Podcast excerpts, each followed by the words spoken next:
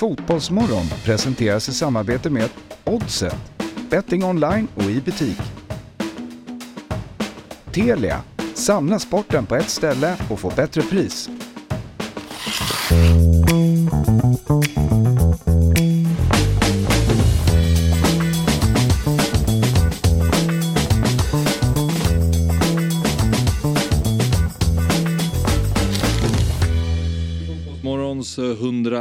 Morgons eh, 166 morgon blir det.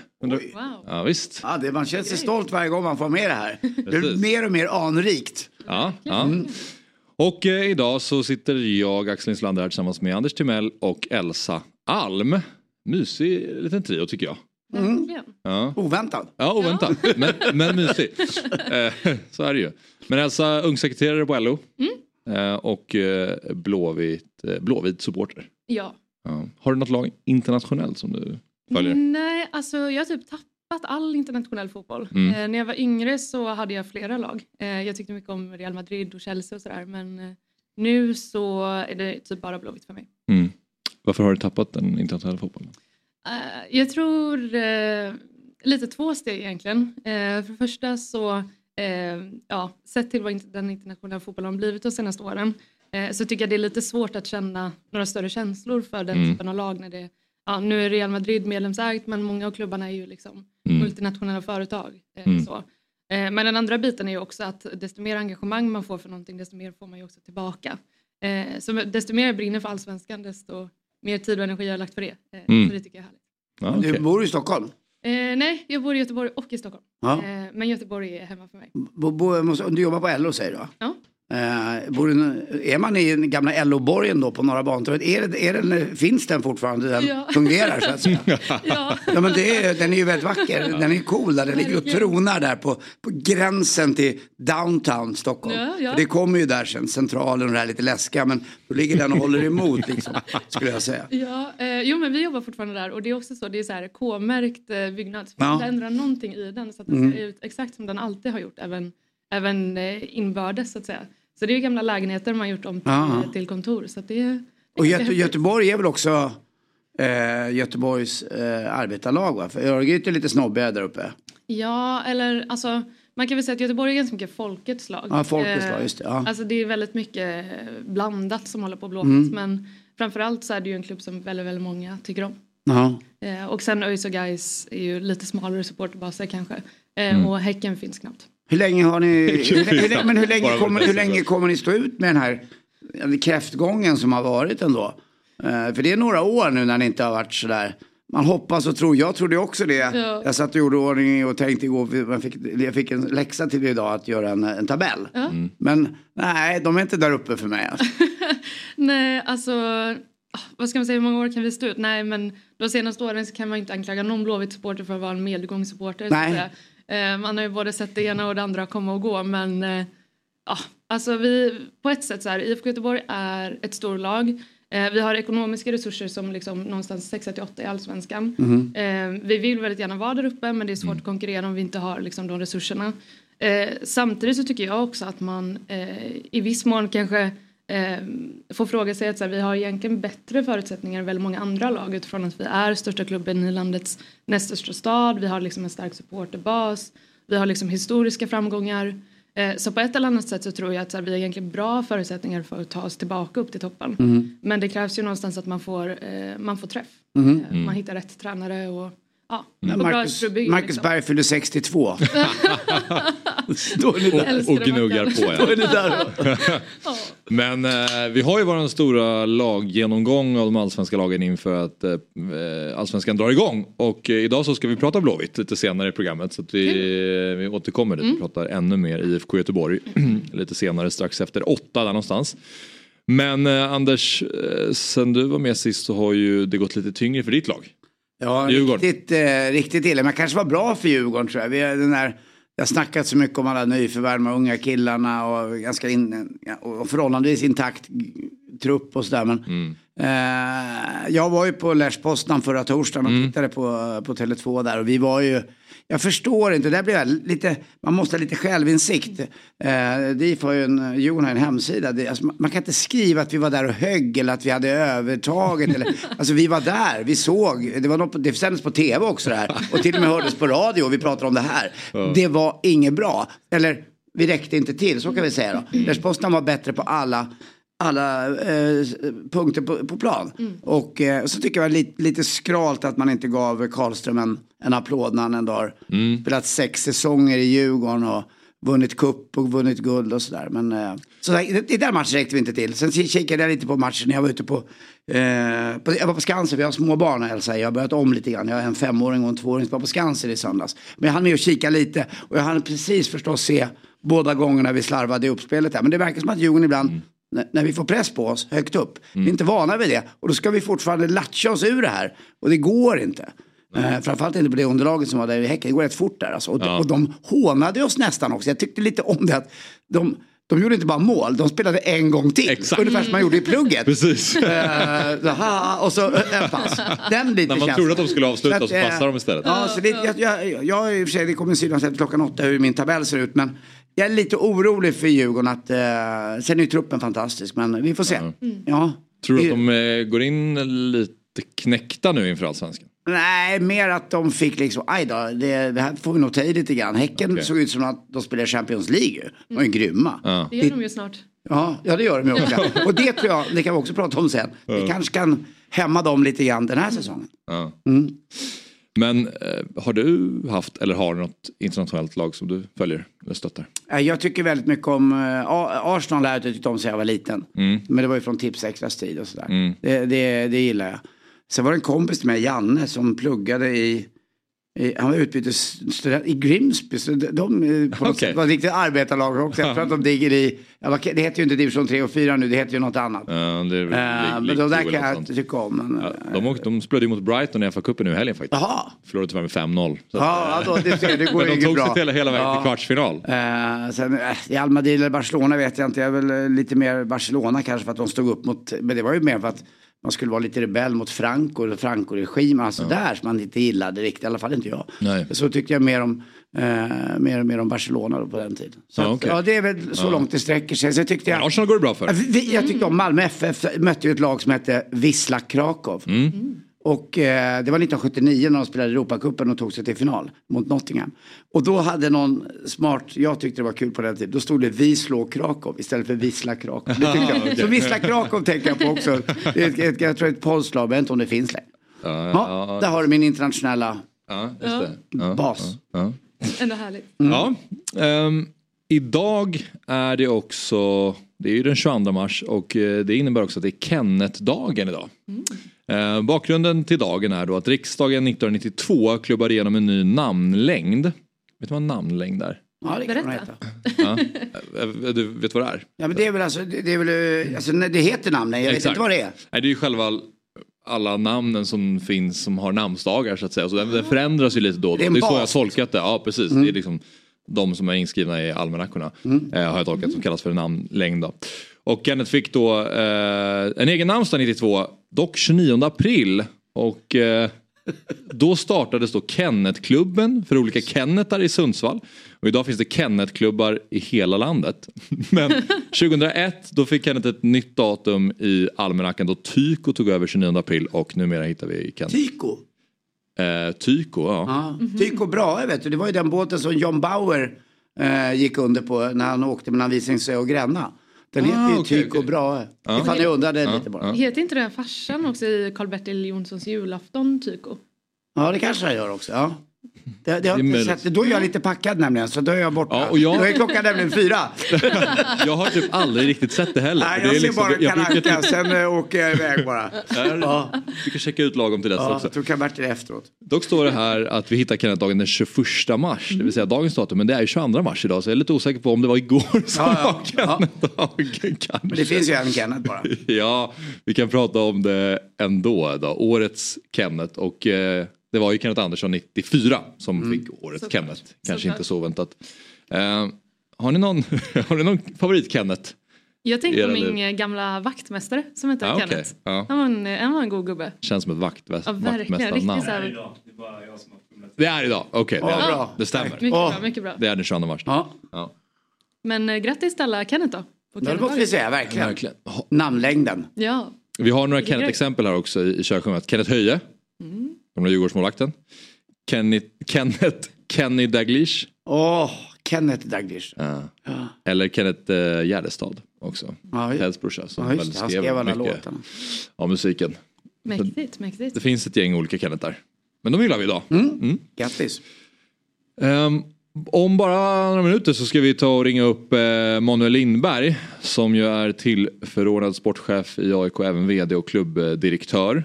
Men eh, det gör vi alldeles strax. Vi ska prata om eh, försäljningen av eh, Jesper Ceesay. Eh, som eh, gick till AIK från Rampojkarna för ett eh, år sedan ungefär. December 2021 eh, inför förra säsongen och jag har inte fått spela så mycket och lämnar nu och det har blivit lite eh, många supportrar som har varit lite frågsamma och undrat varför har den här övergången skett och varför säljer man honom till en rival och det finns lite sådana frågor som vi ska reda ut med frågar, den här, eh, är han, spelade han i Sirius också eller? Nej, Men... men Inte han spelar i Djurgården, vad heter han? Ceesay. Kebba Ja, det är honom, för han var väl en Ja. Djurgårdslegend? Ja, han jag det är inte samma kille va? Nej, det är det Bra, inte. jag måste bara kolla här. Men ja. eh, Kebba är också en annan klassisk Ja. Ceesay. Men- lite men- äldre då. Ja, ja, lite äldre. Men han Ja. spelade väl i Sirius också? Det har han, ja det har han Har för gjort. Ja. Ja. Ja, Han har det här är en annan, men det här är en han har- ung kille som inte får chansen alltså. Precis. Mm. Ehm, 21 år är han och ehm, har nu skrivit på för IFK Norrköping. Då. Mm. Så att vi, eh, vi ska ta och prata med Manuel. ehm, Han kanske var för dålig. det, det är ju ett Det är alternativ. Det är ju ett alternativ. Ja. Det finns ju vissa som hävdar det också. Men Vad tycker du som eh, gnagare? ehm, jag tycker att, nu, ska vi, nu har vi faktiskt Manuel. Vi kan ta det ehm, efter att vi har pratat med Manuel då. Perfekt. Likadana ut alla AIKs ledning. Tycker du det? Ja, men vad, hade vi inte killen med, vad hette han som var så jäkla trevlig, deras sportchef?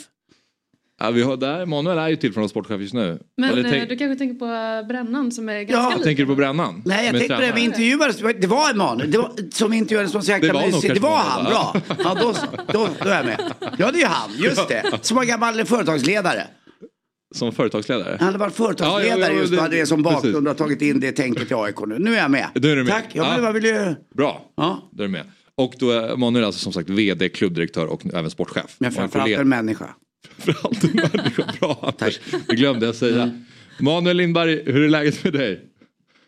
Eh, jo tack, eh, god morgon. Tack för en bra intro Anders. Ja, men det var ju du, vi har ju pratat förut. Ja absolut, jag, jag gillar att du kommer ihåg mig också. Så Mm. det, det, det, det uppskattar jag, det är inte alla som gör det. Så att, eh. Annars tänkte jag att det är många av oss i faktiskt AIKs ledning som är, vi kommer fram till män ungefär i min ålder, 50 utan hår. Så jag tänkte att det var snarare det du kanske kände att du hade sett alla i, i AIK. Det ser ungefär likadana ut numera. Mm, det kan ju stämma det också. Men eh, Manuel, om vi ska prata lite om Jesper Ceesays övergång till Norrköping då. Eh, bara till att börja med. Eh, varför lämnar Jesper AIK? Nej men så här är det ju ibland i fotbollen. Det det liksom, när en spelare kommer in i ett lag så det är klart att man vill att alla unga spelare ska lyckas, de ska slå, de ska bli hjältar, de ska ta en tröja, de ska få mycket speltid, de ska, eh, ja men allt det där man önskar och, och det är många unga spelare som kommer in och i Jespers fall så jag har ju själv följt Jesper i många år i och med att jag även hade honom i, i BP när jag kom till, eh, kom till AIK. Eh, och I Jespers fall så har han inte fått den speltiden som han själv har önskat eh, under ett flertal eh, tränare.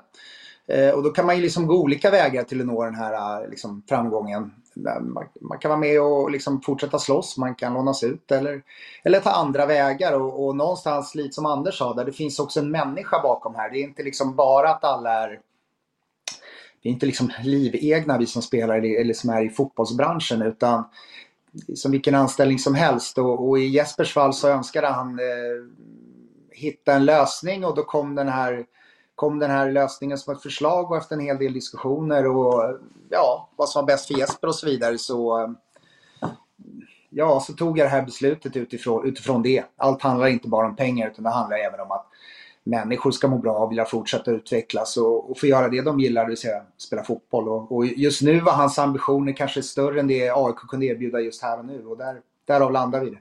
Mm. Eh, fanns det något lån något lånetänk inblandat? Alltså var det, var det ett alternativ att låna ut honom? Eh, ja, absolut. I mitt fall, det har jag sagt väldigt tydligt, jag hade gärna sett Jesper kvar i, i AIK.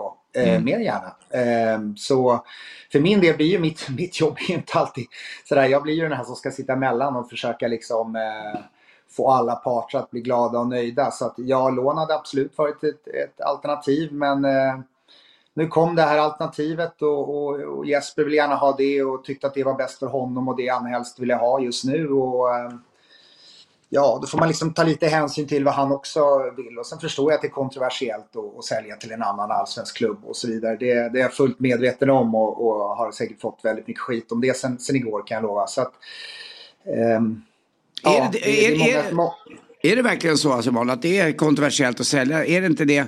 Har vi inte kommit så långt 2023 att det är så det funkar? Eh, nej, det har vi nog inte, det har vi nog inte gjort. Eh, inte riktigt så, nej. Det är ganska nej. kontroversiellt fortfarande. Mm. Eh, och sen är det klart det beroende på vilken klubb det är och ja, men, många omständigheter. Men, ja, nej, men det är nog fortfarande lite, mm. lite så där ute. Um, mm. ja, men um, där landade vi. Så det, det, är många tuffa beslut. Det här är ett av, av en rad med tuffa beslut man behöver ta i den här, i den här branschen. Som sagt, för min del hade han gärna kunnat vara kvar och, och fortsatt i AIK-tröjan och, och slåss om det. Men nu, nu landade vi där. Mm. Vad har Brännan sagt om uh, Jesper och hans uh, övergång? Ville Brännan ha kvar honom?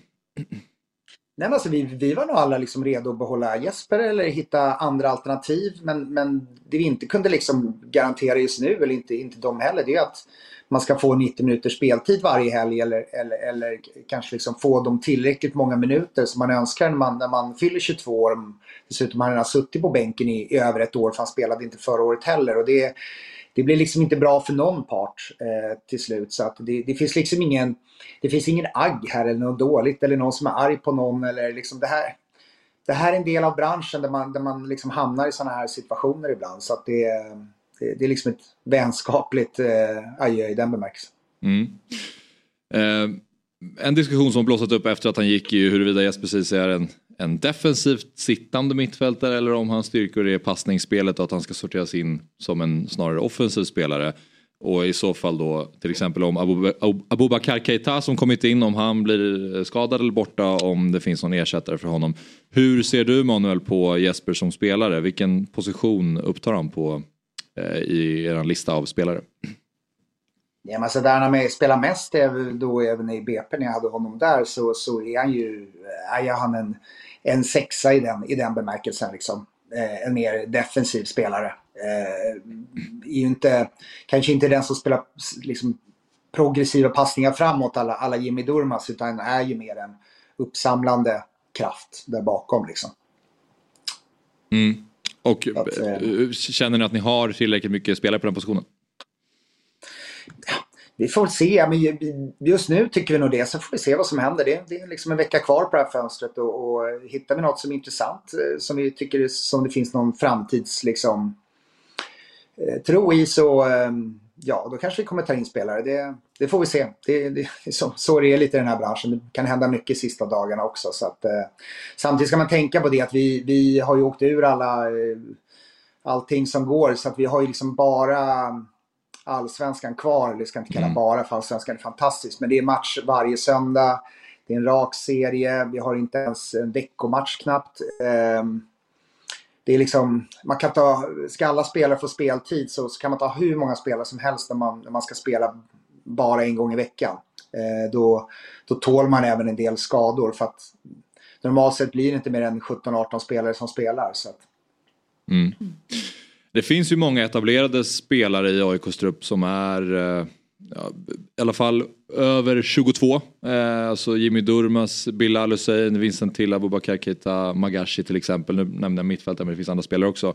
Och så har vi ju AIKs vision och styrdokumentet som vi har pratat tidigare om. Eh, om att man vill eh, försöka att startelvan ska innehålla tre övergångsspelare till exempel och det är spelare som är under 22 fostrade i AIK. Hur ser du Manuel på talanger i AIK i truppen. Till exempel Taha Ayari. Vad har han för chanser för speltid eh, 2023? Han har nog väldigt goda chanser för, för speltid. Um Omar och, och Robin spelar ju väldigt eh, kontinuerligt. Eh, och när någon spelare försvinner då kommer det komma andra bakom. Eh, vi glömmer bort lite grann att vi har en hel del spelare som faktiskt är i truppen som inte har spelat så mycket på, på försäsongen. Om vi nu pratar den här eh, mittfältsrollen har vi ju en kille som Abdi till exempel. Eh, som vi tror jättemycket på som är väldigt skicklig fotbollsspelare. Eh, och nu är det hans tur att, att kliva fram och, och ta den platsen istället. Så att det kommer killar under. Vi har liksom Fesai och Viktor Andersson och det, det kommer ett helt gäng under också som är med som, som inte folk riktigt har, har sett än. Och det är ibland, det är ganska tufft att ta det här klivet från ett P19 allsvenskan upp i, i eh, liksom seniorfotbollen. Och det, det dilemmat har ju ganska många lag, inte bara vi. För att P19 allsvenskan är lite för, jag ska inte säga att den är för dålig, men den, den blir liksom ganska mycket juniorfotboll. Där har ju Bayern till exempel, tycker jag, stor fördel med sin HTFF-lösning där de kan eh, få in många unga spelare i seniorfotboll i ett eller två år innan de kommer upp. Det betyder att när de är 19 år så är de ofta mer mogna, har mer seniorspel eh, under västen. Eh, Medan många av de andra klubbarna, inklusive oss själva, så kommer man som en stjärna från P19 upp i senior. Och det, hoppet blir ganska stort. Då tar det en stund för dem att liksom komma in i seniorfysiken och allt vad det, innebär. Men det finns spelare där bakom. Men det är lite som eh, naturen just nu med vårsådden och den här känslan. Man, det växer upp små saker i trädgården som man har glömt bort och man gäller att ta vara på de här grejerna. Och det är väl likadant med ett fotbollslag. Eller, eller vilka förhållanden man har som helst. Att man måste vårda det man har och att våga släppa fram nya saker och få bort det här gamla dåliga och, fixa, och fixa fin grogrund. Men det låter som att ni, ni är på väg. Jag vet inte, AIK kanske blir farliga i år. Alltså. Jag, det, det, det, det är kanske för att jag gillar Malin, men jag är djurgårdare. Men ändå. Jag tror det är någonting ni har på gång tror jag. Det känns vi så. Det, är ingen, det, är ingen, det är ingen som tror på oss och det kanske är jag vet inte, kanske vår fördel just nu i år att det är ingen som tror på oss. Det är mycket som är nytt och folk vet inte riktigt var de ska placera in oss. Men eh, jag tycker nog kanske att vi har varit bättre än vad resultaten har visat. Men eh, så är det, man ska också göra målen. Eller göra fler än motståndarna i alla fall, ganska enkelt. Ja det är det. Men eh, är det inte då ni brukar vara som bäst då, när ni får motbevisa alla och ja, ha lite den här komma, komma underifrån eh, grejen? Det känns som ganska mycket AIK ändå. Nej, men jag hoppas det. Jag, jag tycker att vi har ett bra gäng och det är ett bra go och ett bra tränarteam. och, och vi har fått in mycket erfarenhet i omklädningsrummet både i till exempel i Fischer och Durmas och, och JG kvar och så vidare. Så att det, det, finns, det finns mycket bra där och sen ska man ju få ihop alla delar och sen ska man ha lite stolpe in och få lite liksom flyt med sig också. Det, ja, det, blir en viktig, det blir en viktig start. Ehm, så äntligen kan de här äldre spelarna få börja spela sina gräsmatcher. De gillar inte riktigt eh, det här med konstgräsdelen. eh, Hur har det de varit när ni spelade derbyt mot Hammarby? Jag läste aldrig någonstans. Det var faktiskt inget gnäll från varken Hammarbys eller AIKs spelare om, om planen på Tele2. Utan det var väldigt tyst om det. Nej, men den är, den, är nog, den är bättre. Eller våra spelare tycker att den är bra. Sen är så här, den är, den är helt ny och sen har man ju lagt väldigt mycket sand. Som ni ser det så flyger det mycket sand efter bollen. Jag antar att den där sanden kommer liksom försvinna bort eller sätta sig. Eller det där tar väl liksom lite tid antar jag innan, innan planen. Men, men jämfört med tidigare så tycker i alla fall våra spelare att den är, är jättemycket bättre. Så de har ingenting att... Det var inte planen vi kunde gnälla på för att vi inte vann. Nej. Okej, men innan vi släpper Emanuel. Eh, innan fönstret stänger nu, det är en knapp vecka till, tills det stänger. Vad tänker du om eh, AIKs fönster? Ska det in några fler spelare? Eh, Jag helst ska in en sportchef.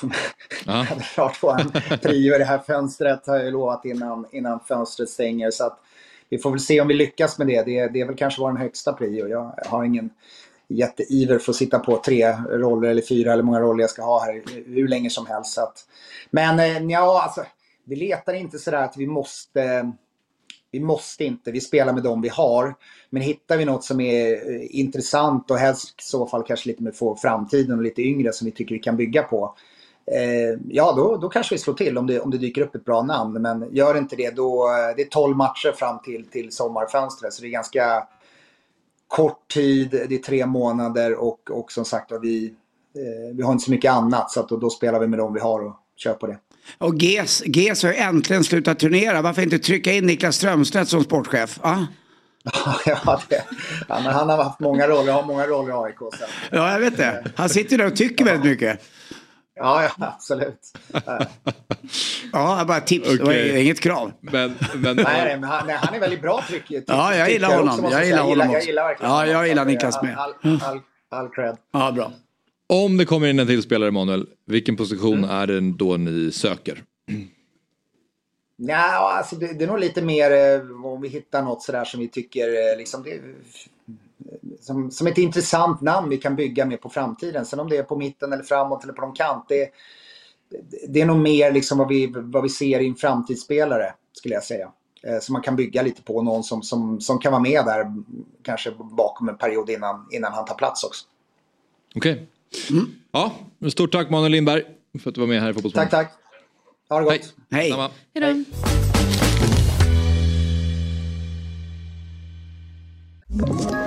Ett poddtips från Podplay. I fallen jag aldrig glömmer djupdyker Hasse Aro i arbetet bakom några av Sveriges mest uppseendeväckande brottsutredningar. Går vi in med hemlig telefonavlyssning och, och då upplever vi att vi får en total förändring av hans beteende. Vad är det som händer nu? Vem är det som läcker? Och så säger han att jag är kriminell, jag har varit kriminell i hela mitt liv men att mörda ett barn, där går min gräns. Nya säsongen av Fallen jag aldrig glömmer på Podplay. Nu ska vi prata lite Zlatan Ibrahimovic tänker jag. Ja. För övrigt alltid kul när, eh, när, eh, när vi har liksom Anders-perspektivet på frågorna. Jag tycker det är mysigt när du Verkligen. kommer in med GES och våren. Och det, Ja, men det, förlåt, ja, men det, ja. du har inte bett om ursäkt. Nej, nej, nej. nej. Det, Man det, är vill ha liksom, vad man hör det. Ja, ja, det är så det funkar. Du, jag älskar den här tiden på året. det känns som att alla Det här var en cool eh, collegetröja, eller tjocktröja skulle min son sagt. Ja, precis. Den du. Vi, eh, vi ska presentera vår gäst alldeles strax. Men eh, innan dess så tänkte jag bara höra om ni själva tog del av Zlatans presskonferens igår någonting. Mm, jag, det. jag pratade faktiskt med Olof Lund igår kväll också. Okej, Ja. vad, vad sa han då? Jag, sa, jag tyckte han var ändå var modig, men eh, för jag, jag blir så här, när de står bredvid varandra, det känns som någon tuppfäktning och de har ju mycket historia tillsammans. Men, Mm. men han sa det Olof, att eh, Zlatan hade sagt till honom att jag undrar vem av oss som slutar först. Zlatan är ju rolig. Men, eh, det är så, han har en egen agenda, så han gör, kör sitt eget race. Ja, det får man säga. Ja, jag kikade lite highlights Ja. eh, också kan man säga. Mm. Det var ju mycket ur den eh, presskonferensen som eh, ja, man ändå studsade till på. Det är ju, det är ju inte tråkigt att Nej, det hålla är honom i alla fall. inte exakt det. Är Alltså, det är inte tråkigt. Det, var det, det enda det inte är. Nej. Jag, jag tänkte också efter konf- presskonferensen var sett den att så undrar nu vad tidningarna kommer välja att göra rubriker på. För det finns så Ja. mycket. Så här, vad, vilken väg ska de gå? Och då så går man in och så ser man att okay, de valde typ allt. Det finns en stor och så är det liksom fyra underrubriker med så här, Zlatan om eh, sonen och Zlatan om Qatar. Det är lite så, varje fråga får får man nästan lite, så här, lite puls för att det är, det är liksom aldrig så här ett lugnt svar Nej. eller någonting som inte blir rubrik utan man måste ha fullt fokus hela tiden. Precis så är det. Det är rätt häftigt. Ja, man hör ju nästan i rösten på journalisterna som ställer frågorna att de är beredda på att okej nu kanske jag kommer få, det kan, kan, kan bli backlash här oavsett vad jag säger. Det var ju eh, ett citat som stack ut lite. Eh, det var flera som, som var inne på Elsa. Men vi, vi kan börja med Qatar-frågan. Han fick frågan om vad han tyckte om eh, VM i Qatar eftersom han själv hade varit där och besökte med sin familj. Han var ju på finalen. Och mästerskapet har ju fått mycket kritik här hemma i Sverige och då svarade han då så här. Jag, jag och familjen var där i två dagar. Organisationen 10 poäng. Upplevelsen 10 poäng. Matchen 10 poäng. Publiken 10 poäng. Maten 10 poäng. Resan 10 poäng. Allt var 10 poäng. Och sen efter han sagt det här då gör han någon lite obehaglig så grimas. Alltså, alltså han höjer på ögonbrynen så här och sen så gör han något ljud. Och så är det helt tyst och då känner man nu är det verkligen liksom spänt i den där lokalen. Och sen så frågar han då, var det här inte det du ville höra? Typ. Och då eh, fortsätter journalisten och bara, nej men jag är nyfiken på att höra eftersom du har eh, eh, du var där och det har fått mycket kritik. Och då var han inne på så här, nej allt var 10 poäng. Så att han struntar ju lite grann i vad folk tycker och tänker får man säga. Ja, han jämförde ju också Sveriges eh, eh, kriminalpolitik fick Ja. jag till och han han fick in ganska mycket. Ja, precis. Ja. Och lite, det var väl i efterföljande intervju Ja, Ja. precis. eh, när, han, när han lyfte, precis som du säger, kriminalpolitiken och, och hela Qatars system någonstans som han tyckte fungerade lite bättre än Sveriges verkligen. Ja, jag undrar det. Ja, men precis som han säger här. Qatar som land, jag tror att det är ett system som funkar. Finns det droger? Nej. Finns det kriminalitet? Nej. I Sverige finns det kriminalitet? Ja, väldigt mycket. Droger? Ja. Qatars system fungerar, det svenska systemet, det funkar. Men om det funkar till 100% det vet jag inte. Så att, eh, det här var ju som du var inne på i intervjun efteråt och då har folk pratat lite så här, har jävlas han bara med media för de här, apropå de här när han höjer ögonbrynen och gör det här ljudet, det bara så, han vet ju folk kommer, hur folk kommer reagera. Eller är det här också så som han tycker? Hur, hur tolkar ni situationen? Alltså Zlatan gillar ju ändå att, han har ju alltid gillat att trolla lite med media om man kan uttrycka det så. Nej, men jag tänker väl att det är både och egentligen. Alltså att han både vill provocera och att det är det han tycker. Alltså det hade ju varit enklare om man bara sa så här. Men eftersom han också var där och också liksom poserade ganska mycket med liksom personer kring eh, mästerskapet och sådär så, så tror jag ändå att det är de här åsikterna han någonstans har. Ja. Eh, men eh, jag tror inte han heller hatar att, att, att kunna svinga lite och, och kunna få lite rubriker i kvällspressen. Nej. Jag tror att han, han flög nog dit på ett ganska trevligt sätt. Han fick nog ganska bra mat. Han satt nog ganska bra. Och, eh, Ja, Hans upplevelse var säkert Den 10 var nog poäng. säkert. Sen finns det förstås, jag tror han fattar det med någonstans. Att det finns en, en underliggande i Qatar som inte är så jäkla sunt och som är inte är så, det är inte friskt, så ska det inte vara eh, med det, med det tänket. Eh, Men det, inte det- han är inte där, han är ju, jag tror att han är väldigt idrott och han skiljer på idrott och politik tror jag. Mm. Eh, Och det, det, ja, kan man säga vad man vill. Han, han valde att göra så. Eh, det du säger är väl både, han var, han var ju där också så att han, vet- han vet hur det såg ut. Men det, det vet vi alla att det kanske inte är så enkelt. Det är lite mer komplicerat. Men varför ska han? Jag tror, Han är ju ingen politiker, han är fotbollsspelare. Det är Zlatan, han är ju, det är hans roll. Lite grann. Då har vi med oss eh, Jasmine Mohammed då från retorikbyrån Snacka snyggt. Eh, god morgon! Hej! Hej! God morgon! Hallå! Du, Säger du? ja, Ja, vad säger jag? Eh, alltså Zlatan kryper ju verkligen in under skinnet eh, på folk kan man säga. Och eh, han är ju in character eh, mycket. Det är ju liksom inte oväntat att Zlatan säger de här sakerna han säger på något sätt. Men nu kanske det var med lite liksom extra krydda där på, på den här presskonferensen. Eh, och vet inte, alltså jag tolkar Zlatan ändå som en så här ganska revanschsugen person som fullständigt liksom vill pissa journalister som kapitaliserar på honom liksom i ansiktet någonstans. Eh, och ska vi tolka den här presskonferensen så tycker jag att han verkar vara liksom eh, väl medveten om att de frågar, det som de frågar honom eh, främst ska liksom få, han fattar att det ska bli catchy headlines liksom, av journalisterna. Eh, och att han är ganska lack på det. Liksom. mm, mm. Ja. Men Eh, det, ja. nej, fortsätt. Ja, men jag tycker också att det som är så intressant är när jag tittade på hans eh, kroppsspråk så matchar det inte direkt med vad han säger. För att han ger de här liksom, flera tio poängarna till Qatar som sagt. Men han ser väldigt irriterad ut och liksom så rycker han på axlarna efter att han säger så här, men det var ju hur grymt som helst. Men så kommer liksom en axelryckning lite så här i efterhand. Och oftast brukar det så här, när liksom kroppen brukar, när man, när man pratar och när man använder sitt kroppsspråk så brukar det liksom överensstämma i timing precis samtidigt som man säger saker. Här kommer det i efterhand, vilket tyder på någonstans att han, så här, han menar inte riktigt det här han säger. Det går att tyda att så här, det kanske inte är helt och hållet det han egentligen tycker, utan det blir en sorts försvarsmekanism liksom, som kommer.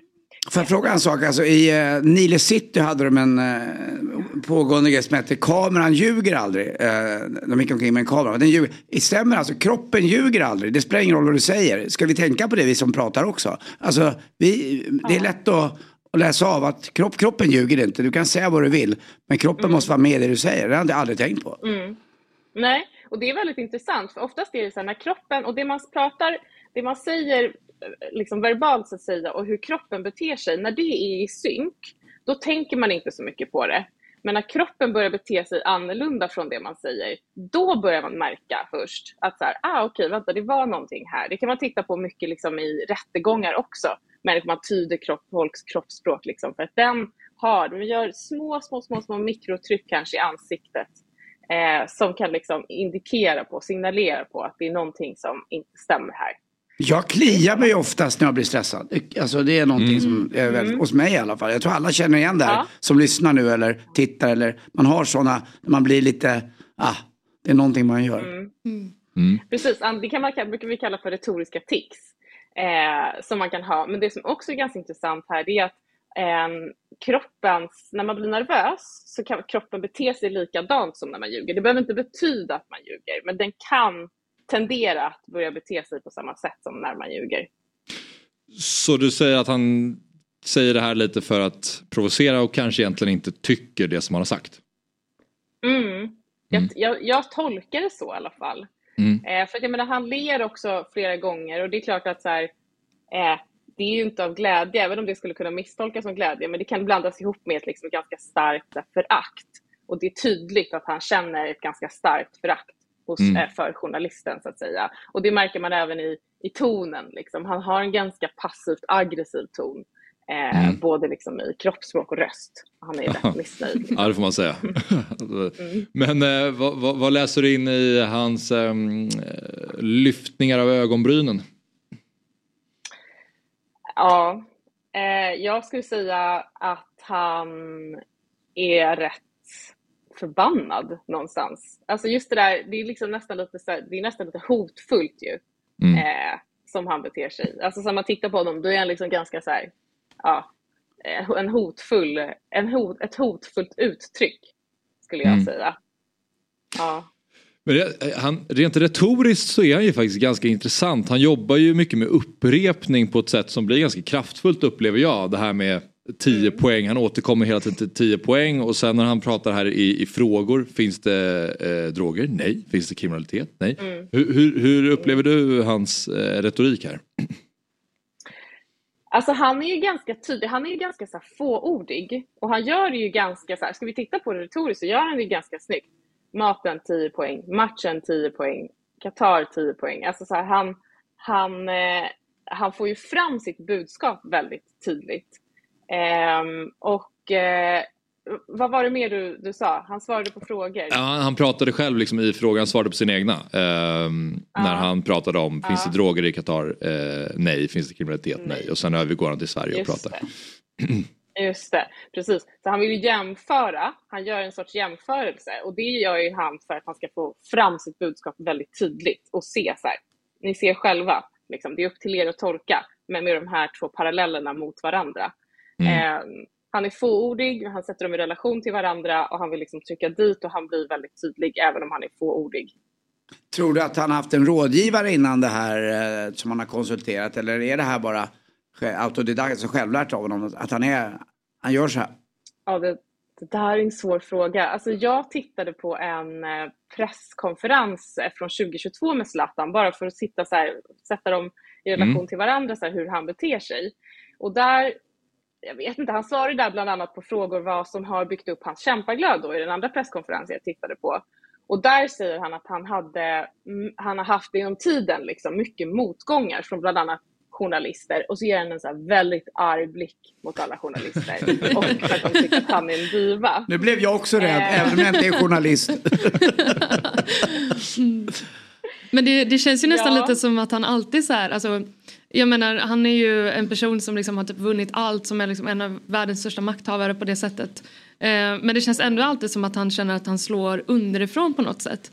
Att så här, så att han har typ alltid varit lite samma, ingen tror på mig, ingen liksom eh, vill att jag ska lyckas, alla är emot mig, hela den biten.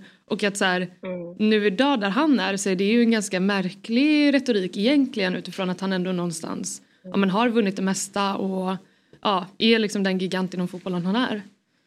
Mm. Alltså jag håller verkligen med om det. Eh, för att han sätter sig verkligen utanför det där sammanhanget. Och liksom, det är som att han är hela tiden en underdog.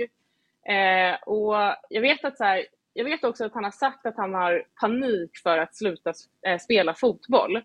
Och jag tror att han, jag vet inte, möjligt nu kanske känner en så här extra press och vill bara sätta dit journalister lite extra. Jag vet inte, men det är bara spekulationer som sagt. Det kan ju inte, kan inte vi veta. Men om han har haft någon rådgivare, alltså så här, jag, jag tror nästan inte det. Jag tror att det här kommer från hans egna bara så här. Han är, han är förbannad på att han hela tiden har fått liksom mycket kritik och mycket press. Att folk vill göra headlines över honom och tjäna pengar på honom. Och att han har fått liksom, ja men så här, tydligt i sin ganska unga ålder och liksom hela vägen som det har byggt upp hon, hans karriär blivit ganska så liksom, ja men nedtryckt som han verkar tycka. Mm. Eh, och det har nog bara satt in honom i den här eh, situationen att bete sig väldigt liksom, ja, som Zlatan helt enkelt. För han känns ju ganska ärlig under andra delar av presskonferensen när han är ganska transparent som du är inne på att han hävdar, säger liksom så här, men jag har lite panik över att sluta spela fotboll. Det är också lite därför jag fortsätter. Det är, ganska, det är ett, ett ärligt svar och visar sig lite skör då. Alltså, jag vet inte vad jag ska pyssla med efter och det, det skrämmer mig. Pratar även om relationen till sin son när han fick spela med honom. Och han pratar om när han kommer till laget och berättade för dem så här, jag förstår att ni undrar vad jag gör här men jag är här för att tävla lika mycket som er till alla andra spelarna i laget här i landslaget.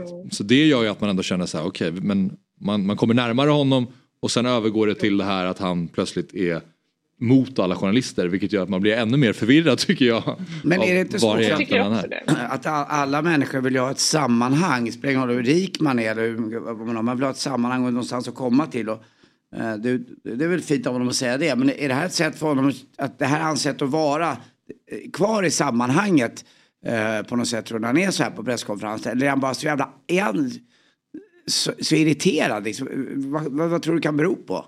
Vad tror du Axel? Eh, vi kan börja med Jasmine så kan jag ta ja, alldeles ja. Alltså jag tolkar honom som att han ja, men dels kanske vill hålla huvudet lite kallt på något sätt och att han, så här, han vill närma sig, han vill vara ärlig. Han tar ner muren emellanåt mot, alltså, mot sin publik så att säga. Mm. Men samtidigt så är han så väldigt, ha alltså, jag kan inte säga något annat än att han verkar så väldigt, väldigt hatisk mot journalister. Alltså vad som ligger där bakom är så svårt att säga, men mm. just den där liksom riktigt hatiska tonen, eh, hatiska blicken, jag sätter dit dig när jag kan. Liksom. Det är som att det är hans ryggrad. Liksom. Det är som att han alltid, så här, det ska mm. han bara göra. Mm. mm. Jag tror han gillar maktkänslan lite grann bara helt enkelt. Ja. Att han, han vet att ja. han kan säga han kan säga lite vad som helst och det ska mm. mycket till att det blir för provocerande att, att, det ska, att han ska kunna få några konsekvenser. För det har varit folk som varit inne på det också, mm. Jasmine, att så här, men borde inte landslaget mm. göra någonting åt det här när han eh, uttrycker, vara, uttrycker sig så här. Ja, nej, men det är ju också ja, eh, ett sätt att se på det. Mm. Ja, men eh, så Jasmine, du var inne på 2022 där. Upplever du att hans retorik har förändrats eh, mycket under åren från att han kom upp i landslaget? Eller hur skulle du säga att han eh, liksom beter sig just nu kontra för några år sedan? Alltså jag har inte följt Zlatan sådär Nej. slaviskt så att säga. Men just när jag tittade på de två olika, för jag ville, sätta, jag ville titta på någonting som var så lite utifrån den här kontexten.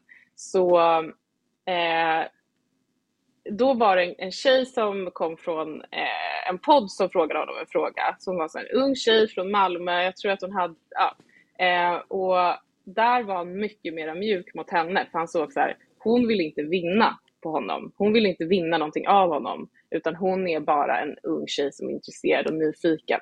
Mm. Liksom. Eh, så där tycker jag verkligen att han hade en så mycket mjukare ingång. Han ville verkligen berätta så här, hans resa på ett mycket mer ödmjukt sätt. Men just när det kommer så här, från journalister så tittar han ut så på alla journalister som att han vill liksom ge dem ett riktigt finger. Mm. Eh, eh, så jag vet inte om den har mjuknat. Jag, jag tycker att han är så in character egentligen. Ja, han är sig själv. Ja. Det, det, är, Men det, det här visar ju att han är, har ett hjärta på rätta stället också. Mm. Även om han är så här på vissa saker. Men det är väl bra, det är väl coolt att han kan växla. Mm. Tycker jag. Ja, ja. ja. men Eh, tack för att du var med oss eh, Jasmine och pratade lite om Zlatan yes. ur ett retorikperspektiv. Och jag kommer att sitta och titta nu på Axel och Elsa här på deras kroppsspråk om de ljuger för mig eller inte. och vi kommer att kolla på dig Anders. Nej! ja, tack Jasmine. Ja, ja, ha det gott. Samma. Hej. Ja, jag brukar egentligen så här gilla att jobba lite med händerna. Mm. Dels prata så men också kunna ha dem så. Men jag tycker att det, dels är det, dels har jag min dator här men det är mycket grejer. Och sen så vill jag inte slå till micken. Så det blir lätt mm. att jag fastnar här. Mm. Och tycker jag ser lite, mm. ser lite som att man är instängd. Liksom. Jag vill eh, liksom, Jag kan se på restaurangen ibland, jag jobbar på restaurang. Mm. Uh, och det är när män eller kvinnor, de sitter på händerna. Kvinnor gör inte det lika ofta. Men de sitter på händerna med händerna inåt under rumpan. Uh-huh. Då är de lite nervösa. Då är det något jobbmöte eller det är någon uh. eh, viktig sak. Eller de är liksom inte, dejt. Jag vet inte om man känner sig trygg i det. Att man liksom mm. sluter sig lite. Att man, mm. Det är väl lite samma som att sitta med armarna i kors. Ja, det är väl lite mm. trygghets, ja. trygghets... Det finns ju mycket mer av sånt där att se på än vad man tror igen. Absolut. Mm. Men eh, jag var på sånt där retorikpass i fredags faktiskt. Okej. Eh, Ja. Med eh, Jakob som jobbat för eh, landslaget. Eh, Där han, eh, Kakembo Andersson. Exakt, Mm. exakt. Eh, Och han lyfter det faktiskt att så här, människor, man måste alltid tänka på det att man, man läcker liksom. Mm. Eh, Så att den energi man utstrålar smittar någonstans av sig. Att, eh, människor kan ofta läsa precis här, om man är liksom trött, om man är irriterad, Mm. om man är liksom eh, på glatt humör. Eh, så att det går liksom egentligen inte att låtsas vara någonting annat. Nej. Och det är väl kanske lite så man ska läsa Zlatan också. Jag Mm. tror hon bara liksom har, ett, har ett humör och någonstans Mm. lever sig in i det lite tydligare än alla andra. Mm. Men det tyckte jag man hörde apropå att du pratade med Olof Lund där också. När han, han ställde ju frågan efter presskonferensen om Mino Raiola. Som var ju Zlatans agent under alla år. Eh, som gick bort här eh, för, jag vet inte exakt när det var. Men, ja, något sånt. Och eh, då Olof som ändå också är en person som eh, tar plats och syns och hörs. Jag Ja, tycker ja, han pratar tydligt när han ställer frågor till intervjuer. Man, man hörde på hans röst att han var väldigt så här, ja men Zlatan, eh, Mino gick ju bort här och var väldigt lugnt. Så här. Han kände att jag måste gå in mjukt här med tanke på också Olofs och Zlatans historik. Så förstår Mm. jag, om man ska ställa en sån känslig fråga då är det nog viktigt att just vara lite känslig. Mm. Och eh, det Verkligen. tyckte jag man Föll den väl ut den frågan? den föll väl ut. Ja. Zlatan eh, tog det på allvar och blev inte Ja. arg på Olof. Utan han, var, han berättade om att han eh, var, det var väldigt, en jobbig tid och att han betydde väldigt mycket för honom. Och, Mm. så här, så att det, var, det såg ut som att han var nära till tårar i alla fall. Zlatan. Aha, okej, ja. Så att, Jag gillar hans hår då, ska man inte gå in lite på det? Han har börjat med utsläpp det där lite mera. Jag vet inte vad det är, någon i eh, de tre musketörerna kan han vara. Den fjärde kanske. Men ni har Eh, nästan D'Artagnan. samma frisyr. Nej, vi har jo, men jag tänkte på det när bilden var här Ja, uppe nej, på honom bak, äldre. bakom. Eh, nej, men det är, jag, jag tycker om det där. Uh, Ja. Curly lite skalat på sidorna på något sätt. jag det Ja, ja, det är eh, Zlatan alltså. Mm. Nej, det det, passar honom bättre i alla fall än när han sprang runt med den här, kommer du ihåg den här flätan? Nej, den var inget bra. den Du minns den? stack ut ja. Nej. ja. Nej, den gillar jag inte. Nej, det tycker jag inte var. Det var lite Kanarieöarna två veckor. Ja, men kolla där har ni honom. Ser du, de är lite lika. I frisyren i alla Ja, ja, visst, visst. Absolut.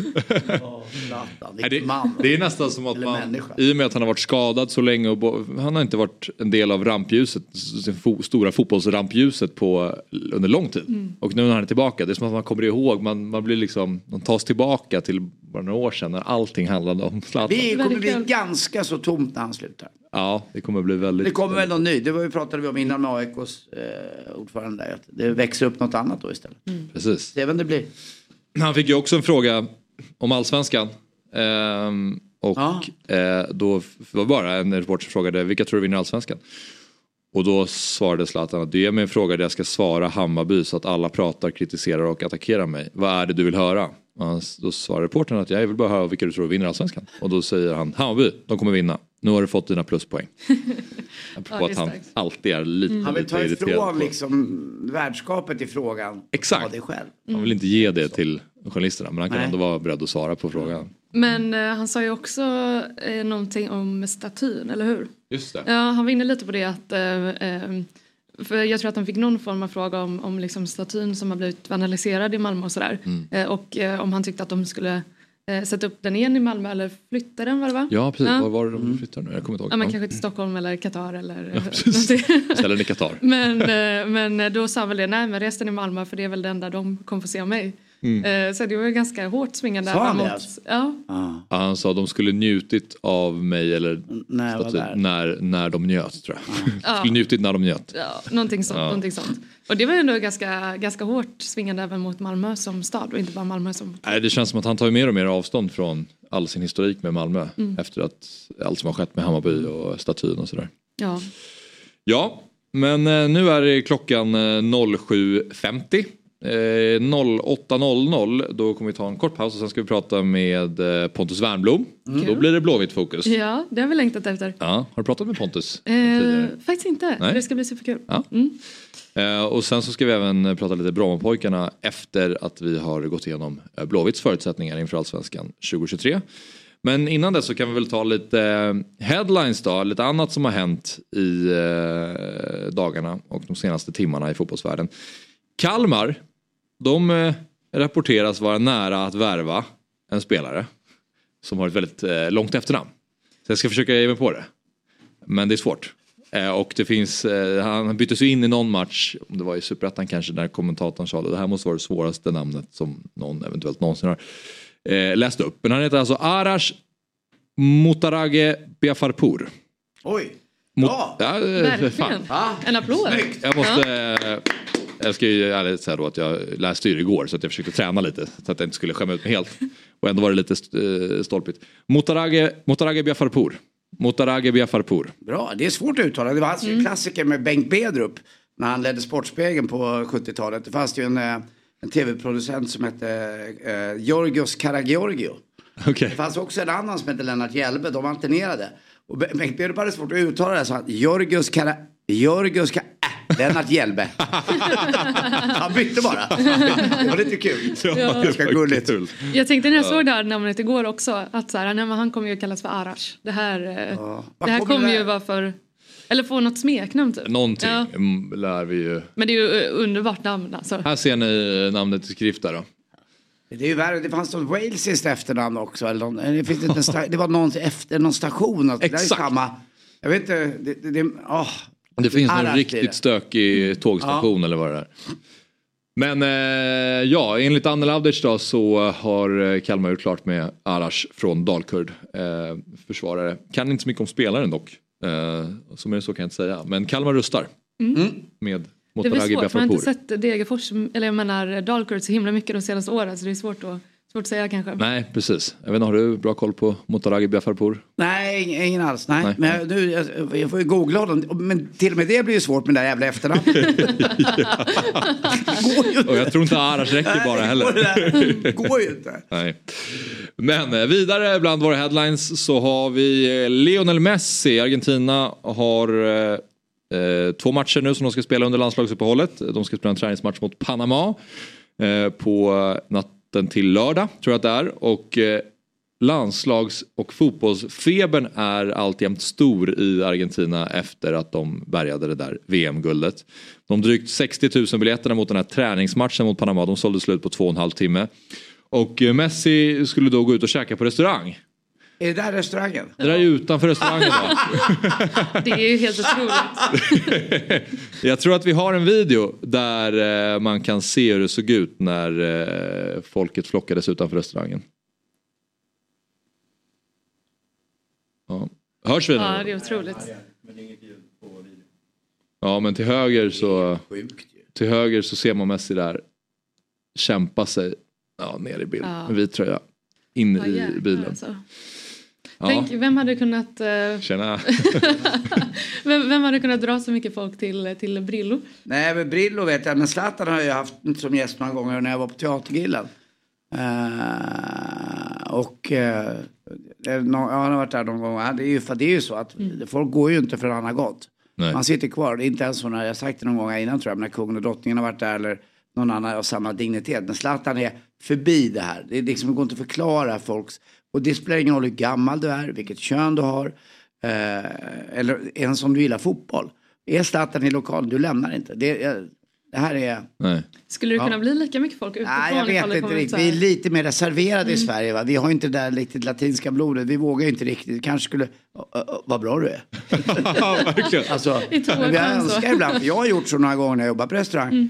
Eh, Det var bland annat ett... eh, De, de får äta gratis på, på Rish resten av sitt liv. De som vann stafettguldet. eh, När Kalla åkte om, om ni kommer ihåg det. Ah, ja. När de tog upp på sista just det. sträckan. Då det stod i Expressen till och med. För jag tycker vi är för dåliga på att uppmärksamma idrottsstjärnor i Sverige. Jag tycker de har gjort så mycket och glatt så många. När, när när en person har gjort så mycket för att glädja så många. Då, då tycker jag man ska uppmärksamma det lite grann. Och det är oftast bara idrott det funkar. Ja. Mm. Hur mycket hade Zlatan betalat på Brillo idag? Jag, jag hade gärna bjudit honom på vad som helst. Det- Jag hade gjort. Ja, men förstår det. det, det hade jag kunnat. Alltså, det har inte med, med, men med, med, med man eller kvinna som har gjort någonting för väldigt många. Glatt väldigt många. Ja. Uh, sen tycker jag man ska hjäl- hjälpa folk som är lite illa, mer sämre ställt kanske. Det kan ju vara någon. Uh, den som van der Poel har väl inte, Nils va? Han har väl Ja. inte. Det, Ja, idag har han mycket. säkert Ja nu kanske, ställt. men innan Ja. dess hade jag gärna kunnat hjälpt honom lite grann. Ja, ja, Uh, alltså man, man kan göra det på det sättet. En liten gest bara. ja, ja. Det är ändå fint. Det är fint. Men så där hade det inte sett ut, tyvärr. Nej. Jag önskar att det kommer dit. Ja, det hade ändå varit härligt. Ja. Och det blir en sån Ja. folkanstormning Ja, det var väl, ni- vi är tillbaka till 94, men det var väl då det var senast. Ja, det Men känns han är ju typ eh, större än Gud alltså i Argentina, Messi. Ja, men, Ja, Alltså, det vilken, är eh, eh, Ja. otroligt. vilken- För han har ju scener. alltid inför VM så var ju alltid snacket om att hur ska han kunna få samma status som Maradona eh, alltid har haft i Argentina och sådär. Och nu när man ser sådana här typer av scener så upplever man ju ändå, och när de firade VM-guldet och det VM som Messi faktiskt gör, så känns det som att han är där. Han är Verkligen. gud. Verkligen. Men nej, om Zlatan hade varit eh, på restaurang kanske folk hade ställt sig på andra sidan gatan och tagit bilder bara, smygfoton. istället, bara, istället för att stå där utanför. Det hade jag också gjort. På Park bodde de uppe på Park. Ja, vid Humlan, eller Humlegården. Då kom de ofta förbi många av de där och käkade glass inne hos oss på Brillo. Det var ganska kul att se. Ah, okej. gulliga. kommer med sina flipflops, springer de ner. Ja. Gud vad mysigt. Ja, Had- ser lite gulligare ut bara när de har landslagskläderna på sig. De går ju oftast i träningsovsbyxor då. Ser lite, ser lite mindre läskig ut än, äh, än om man har journalister framför sig. Ja, lite grann. Ja. Hade du, om du hade kunnat byta plats med Messi, hade du velat göra det? Alltså ha den där typen av uppmärksamhet och aldrig riktigt kunna Nej, alltså jag tror inte det. slappna av. Ja, jag, jag, jag tror att det, det, är liksom, det är väldigt kul och jag tror att man får ganska mycket, ja, men mycket gratis och man får nog väldigt mycket kärlek och uppskattning men jag tror att det är väldigt, väldigt jobbigt också. Mm. Mm. Att alltid känna att du ska säga hej och ge tillbaka. Alltså, det är lite... Man hade ständigt dålig levt dag, med, liksom. Och vad ständigt levt med lite dåligt samvete för att man Ja. inte hinner med och prata med alla som vill prata med en själv. För vi glömmer ju inte det här vi har lärt oss idag. Kroppsspråket ljuger aldrig. Verkligen. Det spelar ingen roll. Nej. Man kan se igenom en människa. Nej. Folk Jag läcker. tror inte att det är helt lätt att vara så där kändast. Det äter upp en också tror jag. Hade du swappat med Messi? Nej, det hade jag inte gjort. Nej. Nej, det hade jag inte. Eh, jag hade gärna haft hans... Uh, att, att göra mål inför så många. Ja. Ja, eh, på något sätt. Den känslan, det är klart. ja. Det är en känsla som man verkligen hade velat testa på och Ja. uppleva. Men man förstår ju de här spelarna också, alltså som Zlatan och, och även Ronaldo och alla de här som har svårt att sluta för jag tror också att det blir ett, alltså ett beroende. Att man får ju den här liksom, eh, om man pratar om endorfiner och Mm. det här i hjärnan liksom som blir så här belöningssystem. Alltså när Ja, det, det inte kommer längre. Det är väldigt många som blir deprimerade efter karriären. Mm. För att man slutar få de här... Nej, liksom, dopaminet eh, behöver man i någon form kanske. Mm. Exakt. Mm. Så man blir nog, ja, men jag tror man blir lite knäpp också. Mm. Eh, Ja, ja, ja. Men, och vilka ens och ont. vänner och allt det där. Ja, ja. Men, Kan jag ens lita på dig Axel? Jag hoppas det. Ja. Ja. Ja, Man men, vet aldrig, man vet aldrig. Och ditt det kan, Han det kanske, kan han du kanske göra. bara är ute efter att försöka gratis på, på Brillo. Ja, precis. Det är därför jag försöker komma in på Brillo hela tiden. Det Studsa är det man det. ska säga. Eller för kompisar. Ja. Ehm, ja, men eh, nu tycker jag vi tar en eh, kort paus och när vi är tillbaka då blir det allsvenskt fokus först. Och lite eh, fotografering från Otto också tycker Ja. jag. Han är, Ja. Vad håller han på med? Ja, han sitter och slöar lite där borta. Ja, det är tråkigt. Ja. Fokus på Blåvitt och på Brommapojkarna. Vi är alldeles strax tillbaka.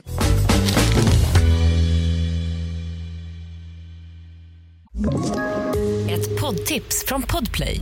I fallen jag aldrig glömmer djupdyker Hasse Aro i arbetet bakom några av Sveriges mest uppseendeväckande brottsutredningar. Går vi in med hemlig telefonavlyssning och, och då upplever vi att vi får en total förändring av hans beteende. Vad är det som händer nu? Vem är det som läcker?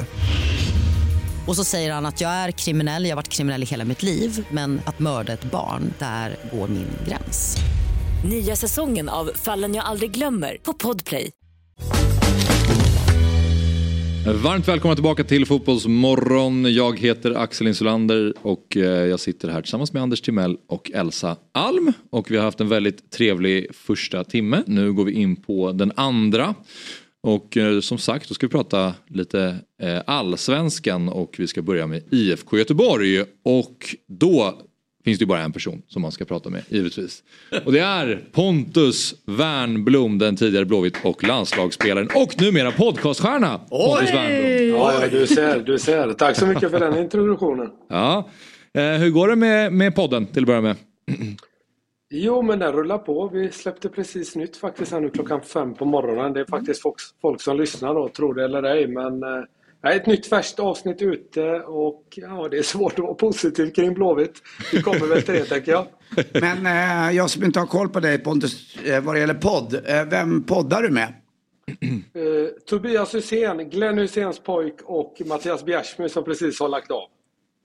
Ni är väldigt, väldigt roliga. Jag måste säga det. Senaste avsnittet med Holm var otroligt roligt. Jag skrattade högt ute på stan flera gånger så att folk kollade lite konstigt på mig. Var det Glenn Holm Ja, vad snäll du Elsa. Eh, Nej, inte, inte Glenholm. Han var ju faktiskt involverad i Blåvitt när jag kom dit för 20 Ja. år sedan. Ja, men han, han, han hade en bra Emil Holm. vänsterdoja. Emil Holm. Med bättre högerdoja kan man säga. Ja, då är jag med. Tack. Ja, men och, och podden heter alltså Hunden, katten, glassen. Jaha, Ja. det är roligt. Ja, helt Verkligen, om... eh, Det är på den, Ja, precis. Ja, får ta med det på det. Eh, Hipp hipp. Hipp hipp. Hipp hipp. Ja. Ja, Ja. det kommer ju därifrån. Ja. Hur mycket reaktioner och sådär har ni fått då eh, sen ni startade podden Pontus? Jo, men det är väl rätt mycket. Det mesta är ju hejarop. Eh, För oss är det ju rätt så... Jag ska inte säga att det är svårt. Men eh, det är rätt skönt nu, framförallt då när Bjärs la av också, att man är väldigt fri att säga och tycka vad man tänker. Man har liksom ingen arbetsgivare att svara upp till utan Tycker någon att man är dum i huvudet så får de ju tycka det. Problemet när man spelade var ju bara att tyckte din arbetsgivare att du var det så kunde du få sparken eller din tränare kunde du hamna på bänken. Så även om jag var rätt frispråkig som spelare så tycker jag nog att man hämmades en hel del och jag tycker att det är rätt skönt när, men framförallt Bjärs då, när vi kan släppa lös han lite här nu som var rätt så stel och stiff när han väl spelade. På tal om eh, att du inte har någon arbetsgivare. Hur rik är du? Du behöver aldrig jobba med va? Nej, det är inte så. Jag måste ju starta upp den här podden och få snurr på den nu tänkte jag. Så. Nej då. Nej, jag klarar mig. Jag har mat på bordet trots inflationen och bensinpriserna och elpriserna och allt det där. Så jag, jag mår bra. Bra.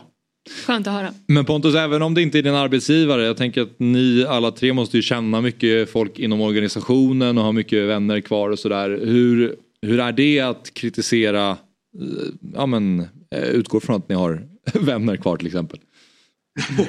Ja, vi får väl se hur länge de blir kvar. Ja, precis.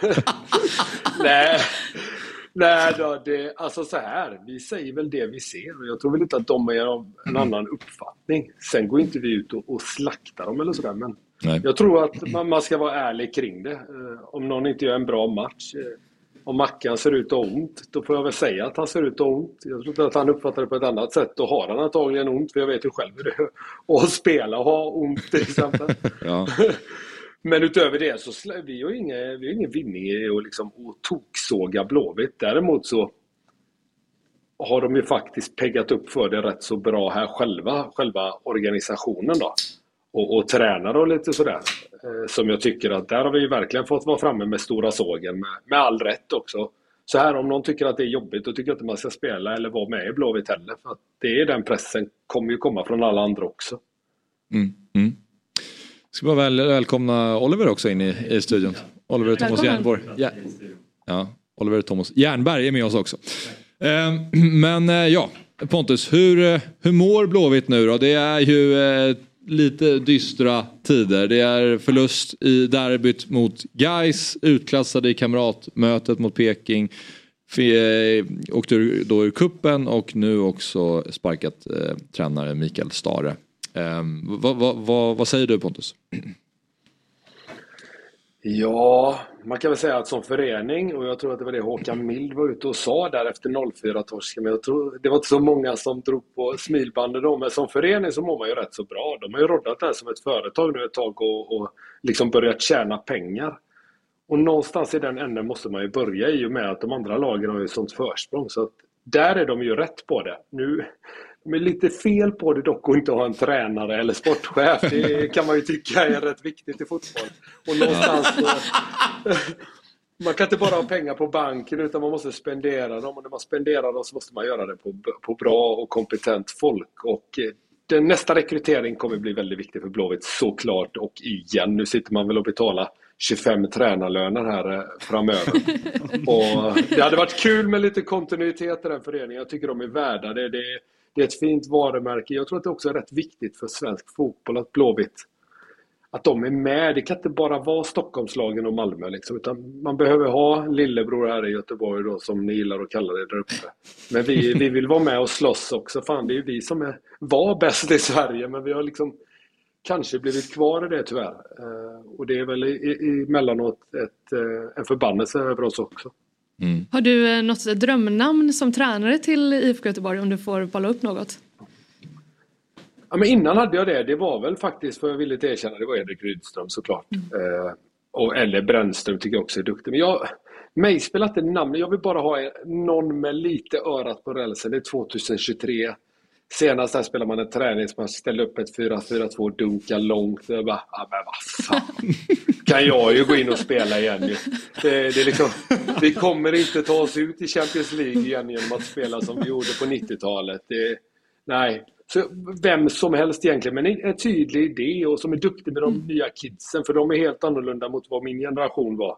Vi var soldater som ställde oss in i ledet och gjorde det som vi blev tillsagda och tänkte lite själva. De nya generationerna är väldigt styrda, otroligt skickliga, men behöv, behöver styrning i allt de gör egentligen. Både på och utanför planen. Tror du att det kommer in en ny tränare innan premiären eller är det Lundin och Tengryd som kommer stå där den 2 april och leda laget? Det är otroligt tyst nu så jag tror nog att det är de två. Sen hoppas jag ju att de tar chansen. Det har de inte gjort hittills i träningsmatchen om ni frågar mig. Jag tycker att de har spelat tråkigt och framförallt när du får den chansen att, att förändra lite från, från, från Stare då. Eh, där man såg att det fanns eh, ja, men rätt så mycket problem i hur man spelade och så hade de chansen här nu och så tycker jag inte att de har tagit den än. Nu är det en träningsmatch kvar och sen börjar serien så det kommer ju antagligen vara de som står där på sidlinjen. Det som man behöver mest just nu skulle jag nog ändå säga är sportchef. En tydlig, en tydlig ledare som, som sätter sin tränare och sin prägel på den, på den här föreningen. Ja, för IFK Göteborg har väl gått i en liten egen riktning där att jobba lite grann utan sportchef. Eh, hur ser Mm. du på liksom sättet som IFK Göteborg eh, styrs på? Nej men som jag sa innan, de har gjort det jättebra på, på många punkter. Men man behöver ha en som är väldigt nära sporten hela tiden, dagligen. Som är den här länken mellan, Mm. ja, men, eh, mellan office och, och omklädningsrum. Liksom. En som rör sig där hela tiden och är den som spelarna kan prata med. Eh, när man kanske inte vill prata med tränare. Det, är- det är lite psykologjobb på dem också. Så det, nej, jag tycker att den resursen behövs verkligen. Och som sagt, det finns ju alla klubbar och det är inte för inte. Man kan ju inte komma på att man inte ska ha en sportchef helt plötsligt och, och tro att det, man ska bli framgångsrik med det. Kan, du, kan du tänka dig att ta någon roll i, i Blåvitt? Eller har du någon roll? Jag har ingen riktig koll. Nej, nej, det har jag inte och det kan jag inte alls tänka mig. För det första så skulle nog min fru ta huvudet på mig och bollar och hela köret tror jag, med tanke på att jag la av för att få mer tid för familjen och det har man absolut inte en sportchefsroll. Nej, men jag tror man, jag tror inte man ska gå in-house om vi säger så. Man ska inte gå på någon gammal trött veteran. Jag tycker många klubbar gör det och ja, ibland det funkar ju det men jag tycker oftast att det blir pannkaka av det. Och då förstörs lite legacyn, dels kring spelaren men så, ja, men jag tycker det blir inte bra. Det, se på Frank Lampard bara som tränare. Fan gjorde han det för tänker man och ja, det blir bara en bitter eftersmak och ofta ska man, ja, man ska gå på kompetens helt enkelt om man ska rekrytera någonting och det måste de göra. Eh, Mikael Stare har varit tydlig med att eh, han fick i uppdrag från styrelsen att i år ska vi komma topp tre. Eh, vad tror du om Mm. den målsättningen? Nej, den kan man nog fimpa nu. Den hade jag även fimpat om Micke Stahre var kvar kan jag säga och det gjorde jag rätt så tidigt.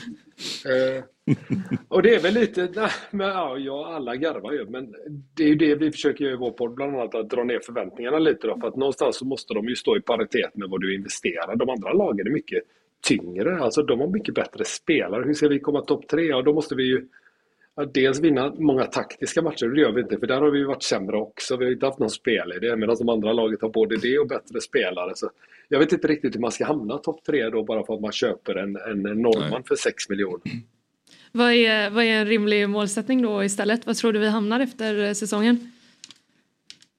Ja, så här ser det ut som det har gjort nu så, så är jag rätt så orolig kan jag säga. Då kan det bli riktigt långt ner. Jag sa innan säsongen att jag trodde om, om stjärnorna står rätt och allt studsar in, då blir man femma. Och då är det verkligen, då ska det vara mer flyt. Eh, så då kan man ju, nej men jag tror väl 8 9 där någonstans. Lite som jag såg eh, upptaktsträffen där. Jag tycker att de var rätt så rätt på det i media där överlag. Jag kan berätta att jag har dem som åtta så att det kan nog stämma här Warmblom. Och jag har varit optimist, jag satt oss som sjua. ja. Ja.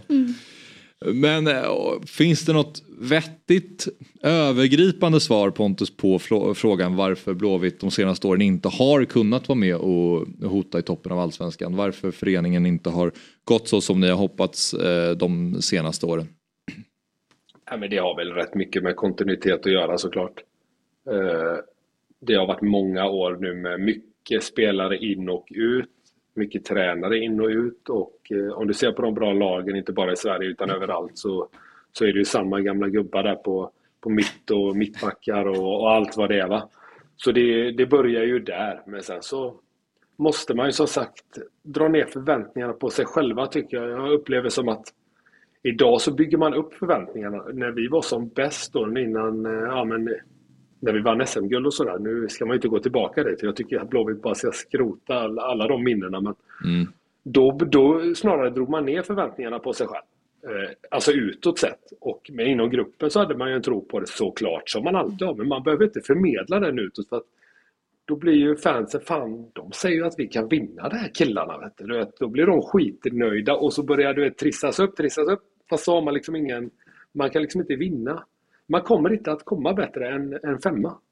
Så enkelt är det med den truppen de har. Och jag tycker i många år här nu har man dratt upp förväntningarna inför säsongen. Förra året skrek någon sportchef ut att vi har minsann näst bäst trupp efter Malmö och det visade sig inte alls vara sant. Mm. För när, när, Poya Asbaghi var i klubben då kändes det som att det fanns en känsla av att nu ska vi göra någonting nytt som inte är det klassiska Blåvitt och försöka ja, men, sp- spela mer fotboll, mer possession, eh, det narrativet. Och sen flög inte det och då är det som att det har blivit en liten backlash. Ja, men då, det enda alternativet då det är väl att gå tillbaka och vara det gamla klassiska Blåvitt och, och, och slå långt. Det är liksom den känslan. Att man kanske är lite ärrade av den eh, perioden. Vad, vad tänker du om det Pontus? Jo, absolut. Han, så här, jag tror att han kom in i lite fel tid bara i Blåvitt. Han var ju rätt så ny då. Han är ju en av de tränarna som är först med det där med att verkligen styra sina spelare till att göra exakt det han vill.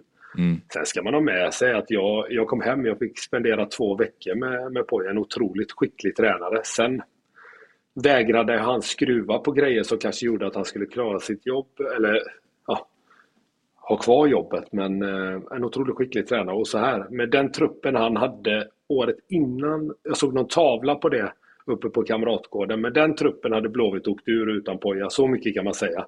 Sen vet inte jag om han hade varit rätt tränare idag, men i alla fall den typen av tränare, det är lite den jag efterlyser. Eh, 2023 så spelar man fotboll på det viset och du behöver inte härma alla andra men du behöver ha en tydlig idé om hur du vill spela. För kidsen idag är uppväxta, de är uppväxta på konstgräs. Jag har en 11-årig grabb liksom som är med i lite akademiaktiga grejer. De vet ju, jag blir ju tokig när de inte tar bollen och dribblar och har kul men de är så styrda, de är radiostyrda från det att de är 11 år. Varför skulle de inte behöva vara det då när de är 18, 19, 20? Det säger sig självt. Men du Pontus, eh, innan vi släpper dig. Tycker du att det var rätt av Göteborg att eh, gå skilda vägar med Star? Jag tolkar det som att du inte uppskattar hans fotbollsfilosofi men just jag tänker mer timingmässigt. Nej, timingmässigt absolut inte. Då kunde man lika väl sitta kvar med honom om man inte hade en ny tränare på plats. Eh, det får jag villigt erkänna. Och så här, jag tycker jättebra om Micke Stare. Jag tycker bara att det hade gått lite... Det tog sig inte framåt helt enkelt.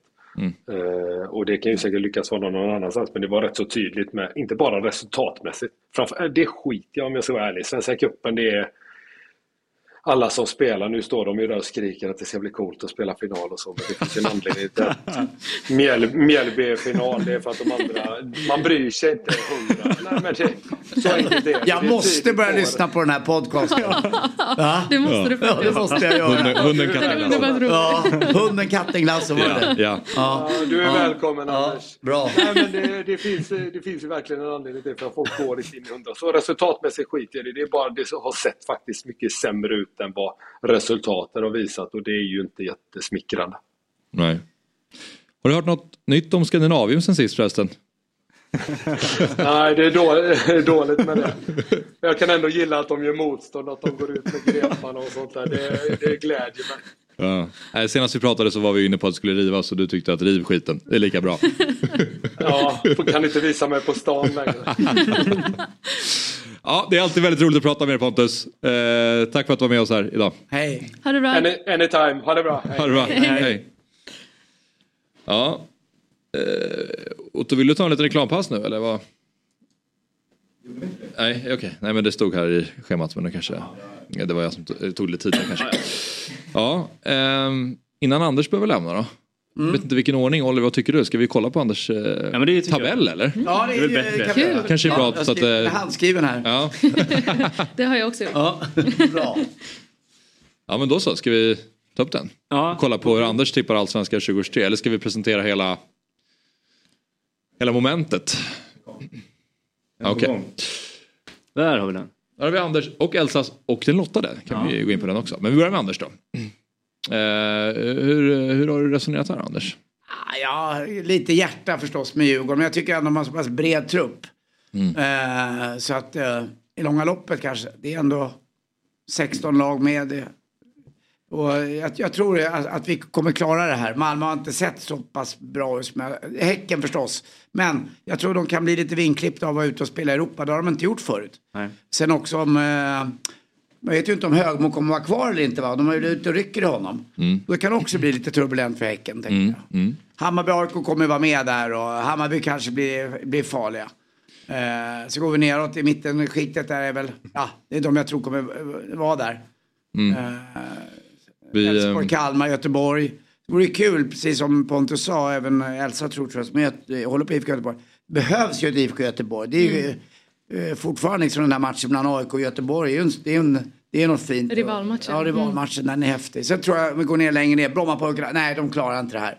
Och eh, de- de ryker och så får Degerfors kvala tror jag. Mm. Ja precis och för alla, som, eh, för alla som lyssnar då, bara för att eh, förtydliga. Djurgården, Malmö, Häcken, Hammarby topp fyra. Ja, Eh, Djurgården. Malmö, just det. För det Och sen så har vi BP på 16 plats. Ja, som vi ska må- prata mer om senare. Ja. tyvärr. Ja. Och Göteborg 8 då, som vi har precis börjat. Precis, precis. Ja, ehm, vad tänker du Oliver om eh, Anders tippning?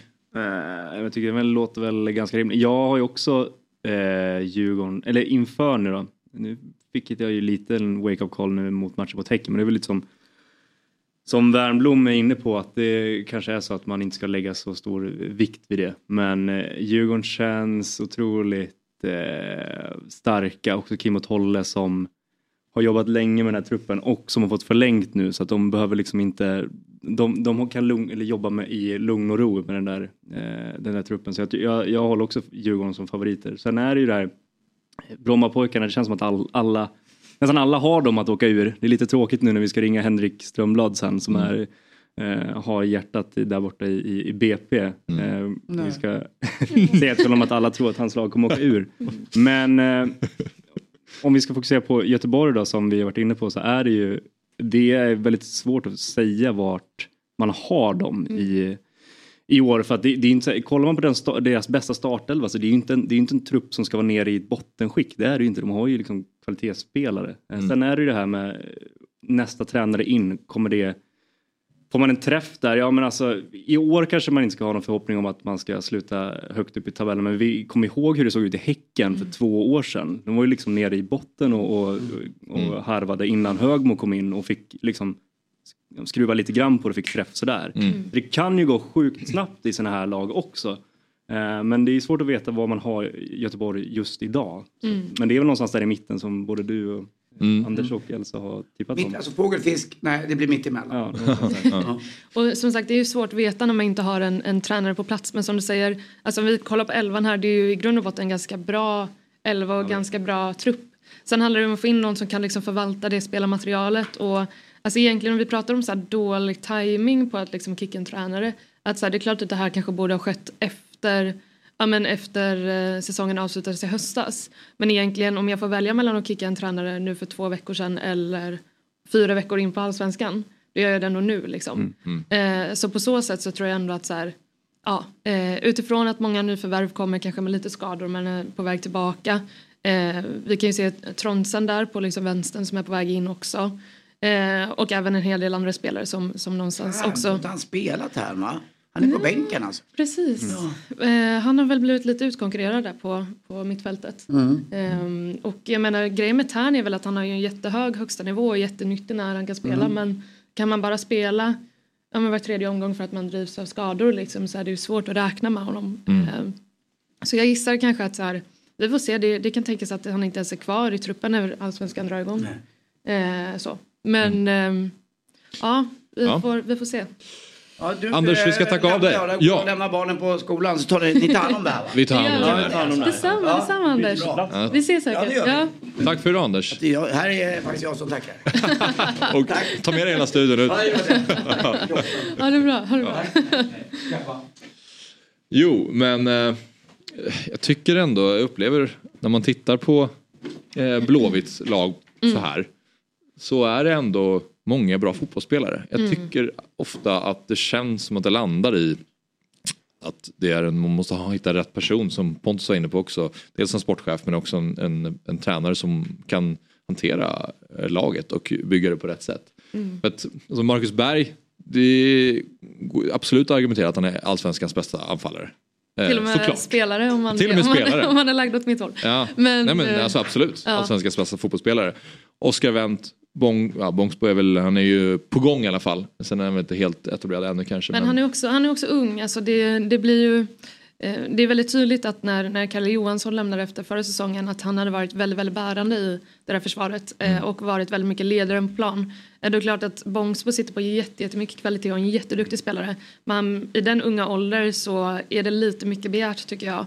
Att, eh, att han ska komma in som någon liksom försvarsgeneral och någonstans styra och ställa. Utan jag tror att han behöver lite vägledning där. Ja. Men det är väl lite det som dock, om man ska se, för nu är väldigt mycket liksom, eh, känns som att det är väldigt dystert i, i Blåvitt liksom, eh, där klubben är just nu. Men alltså en sån spelare som Bångsbo och Kalnej tänker jag också, är väl ändå någon slags så här, ljus i ett annat, liksom en, en mörk tunnel. Att det är, de har ändå liksom fått upp de här talangerna som Mm. gör det. Alltså Bångsbo gjorde ju en otroligt bra liksom när han eh, slog igenom där. Mm. Eh, att det är ändå någonting som man kanske kan bygga vidare på en sån spelare som man kan ja, men, ser en stor försäljning i. Eh, det är i alla fall någonting som är, liksom, kan, man kan greppa tag i och kan bygga vidare på längre fram med de sådana intäkter. Eh, Verkligen. Och alltså Carnegie är ju en, en personlig favorit. Han är ju en otrolig spelare och alltså, otrolig med boll och hela den biten. Men det jag kanske någonstans ser kanske inte riktigt fungerar i Blåvitt idag det är ju typ så den eh, passagen mellan Hagen och Carnegie att de har inte riktigt hittat varandra. Och så är det ju också när man har liksom många nya spelare och en ny startelva någonstans att det tar ofta lite tid innan liksom passningarna sitter och man vet lite hur man ska förhålla sig till varandra. Men jag tror att det kommer bli mycket bättre när de hittar liksom en, en korridor att kunna arbeta för att nu tycker jag i alla fall när vi ska ställa om och liksom köra offensivt att väldigt mycket sker på kanterna. Mm. Eh, och ärligt talat så är vi inte jätte, jättestarka där heller. Eh, så att vi, ja, jag tror att man behöver någonstans eh, jobba på att Kanel och Hagen ska hitta varandra för att eh, kunna utmana lite mer centralt också. Mm. Det var ju den allsvenska upptaktsträffen i måndags. Och eh, vi hade såklart folk på plats här från Fotbollsmorgon. Vi hade Emrik Johansson, eh, en av våra redaktörer för Fotbollsmorgon, Kul! eh, ute på fältet. Och eh, han intervjuade då Blåvitts huvudtränare William Lundin. Vi tar och lyssnar på vad eh, William hade att säga om Blåvitt kommande säsong. Då står vi som sagt här med IFK Göteborg i den allsvenska nedräkningen vi gör på Fotbollsmorgon. Och på klassiskt eh, upptaktsträff maner så ställer vi den eh, stereotypiska frågan, vilka vinner allsvenskan 2023? Oj, det tror jag. eh, Jag tror det kommer vara jämnt där uppe, men jag tror att Djurgården tar, eh, tar hem det. Jag antar att du har följt allsvenskan ett par år. Eh, Tror du att du kan säga någon som kommer ha det kämpigt och kanske hamna i botten av tabellen i år? Alltså, tittar man historiskt, och det var även BP uppe på scen och sa förut också, att de, de har ju haft en tendens att kunna gå upp två år i rad upp i Allsvenskan men har haft stora problem att hålla sig kvar. Så att, vi får väl se om, om det blir samma i år, men jag tror de har en utmaning i det. Att verkligen eh, etablera sig i, i högsta serien. Vi går vidare till årets säsong. Vem tror du blir årets genombrott i allsvenskan? En bra fråga. Eh, Jag hade den frågan tidigare idag. Jag tror att eh, Hussein hos oss hade ju någon form av mini-genombrott förra året men jag tror att han skulle kunna ta ytterligare kliv i årets allsvenska 2023. Och vem vinner skytteligan? Det gör en eh, Blåvitt spelare. Om du, eh, det lilla du sett nu på försäsong, om du måste slänga ut ett namn, vem känns hetast framför mål? Eh, hetast framför mål. Jag tror, dels så har eh, Marcus Berg alltid farlig framför mål givetvis. Men jag tycker att även eh, Suleiman Abdullahi som har spelat en del på slutet på försäsongen hos oss har tagit sig ordentligt och eh, han skulle kunna bli ett utropstecken. Vi har också frågat alla vilken tränare respektive spelare som det kanske är lite extra roligt att bråka med. Finns det någon i Göteborg som man inför en match tycker att det är kul att gnabbas med? Eh, nu har inte jag mött alla tränare ännu. Eh, jag känner ju Christer Mattiasson väl. Och Sirius, så han eh, kan det grabbas med. Men jag har förstått att Rydström inte är sen på att grabbas med också. Så att eh, kanske är någon av de två.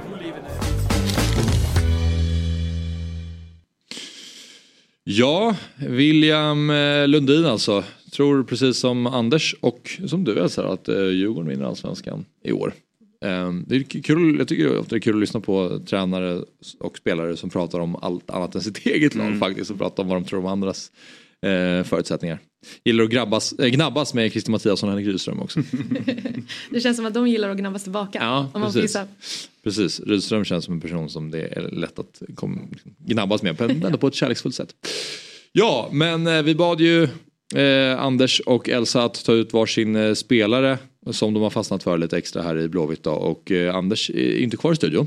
Men Oliver, du får ta över här och eh, prata lite om Ja. Anders val. Ja, just det. Ja, Nej, men vi har ju, han, han väljer ju Marcus Berg. Och eh, du var inne på det tidigare Elsa, att går att argumentera för att han är seriens bästa spelare och det gör det fortfarande. Mm. Såklart. Um, men vad, vad tänker du om eh, Marcus Oliver? Ser du någonting i att, tycker du att han är lika bra fortfarande eller ser du att han är på väg ner? Eh, nej, alltså, man, man kan väl inte komma ifrån att han blir äldre. Sen tycker jag inte att man det märks att det skulle vara någon slags eh, fara i, i alla fall om man kollar på hur han presterat tidigare, att, att det skulle vara någon fara i att eh, det går ut över hans prestationer på planen. Det är fortfarande en superbra eh, spelare och jag tycker väl att det är Ja, men det- om inte allsvenskans bästa spelare så i alla fall allsvenskans bästa anfallare. Det skulle jag säga. Eh, sen får vi väl se lite grann. Det är, li, det är väl lite, alltså Berg har ju presterat trots att Blåvitt har eh, i perioder varit eh, svaga. Så får vi väl se, han, han måste ju ha spelare runt omkring sig också som gör jobbet åt honom. Men eh, jag vill inte liksom eh, orolig för att Marcus Berg skulle ha en dålig säsong. Jag är ganska övertygad om att han kommer fortsätta vara eh, så pass bra som han har varit tidigare. Ja, och Mackan är väl ganska mycket min gubbe också. Mm. Jag, har en ganska, jag, har ganska mycket, jag har en rolig historia om honom. Eh, när han spelade i landslaget så eh, både han och Gustav Svensson så brann jag väldigt, väldigt mycket för de blåvita spelarna i landslaget. Kanske lite mer än vad jag brann för landslaget som helhet. så eh, när Mackan hade den här missen mot Spanien Mm. eh, så det. var jag... Eh, jag Första och, matchen eh, i EM. Exakt, Mm, exakt. just Jag var lite odiagnostiserad ADD eller någonting. Var inne i liksom varenda Twitter-tråd och skulle liksom så här backa upp Mackan och verkligen vara så här. Ja, eh, var inne och krigade där väldigt, väldigt mycket. Ja. Så mycket att eh, Jakob som jag nämnde innan som jag inte kände på den tiden eh, skickade en videohälsning från Mackan som tackade för all stöttning. Är det sant?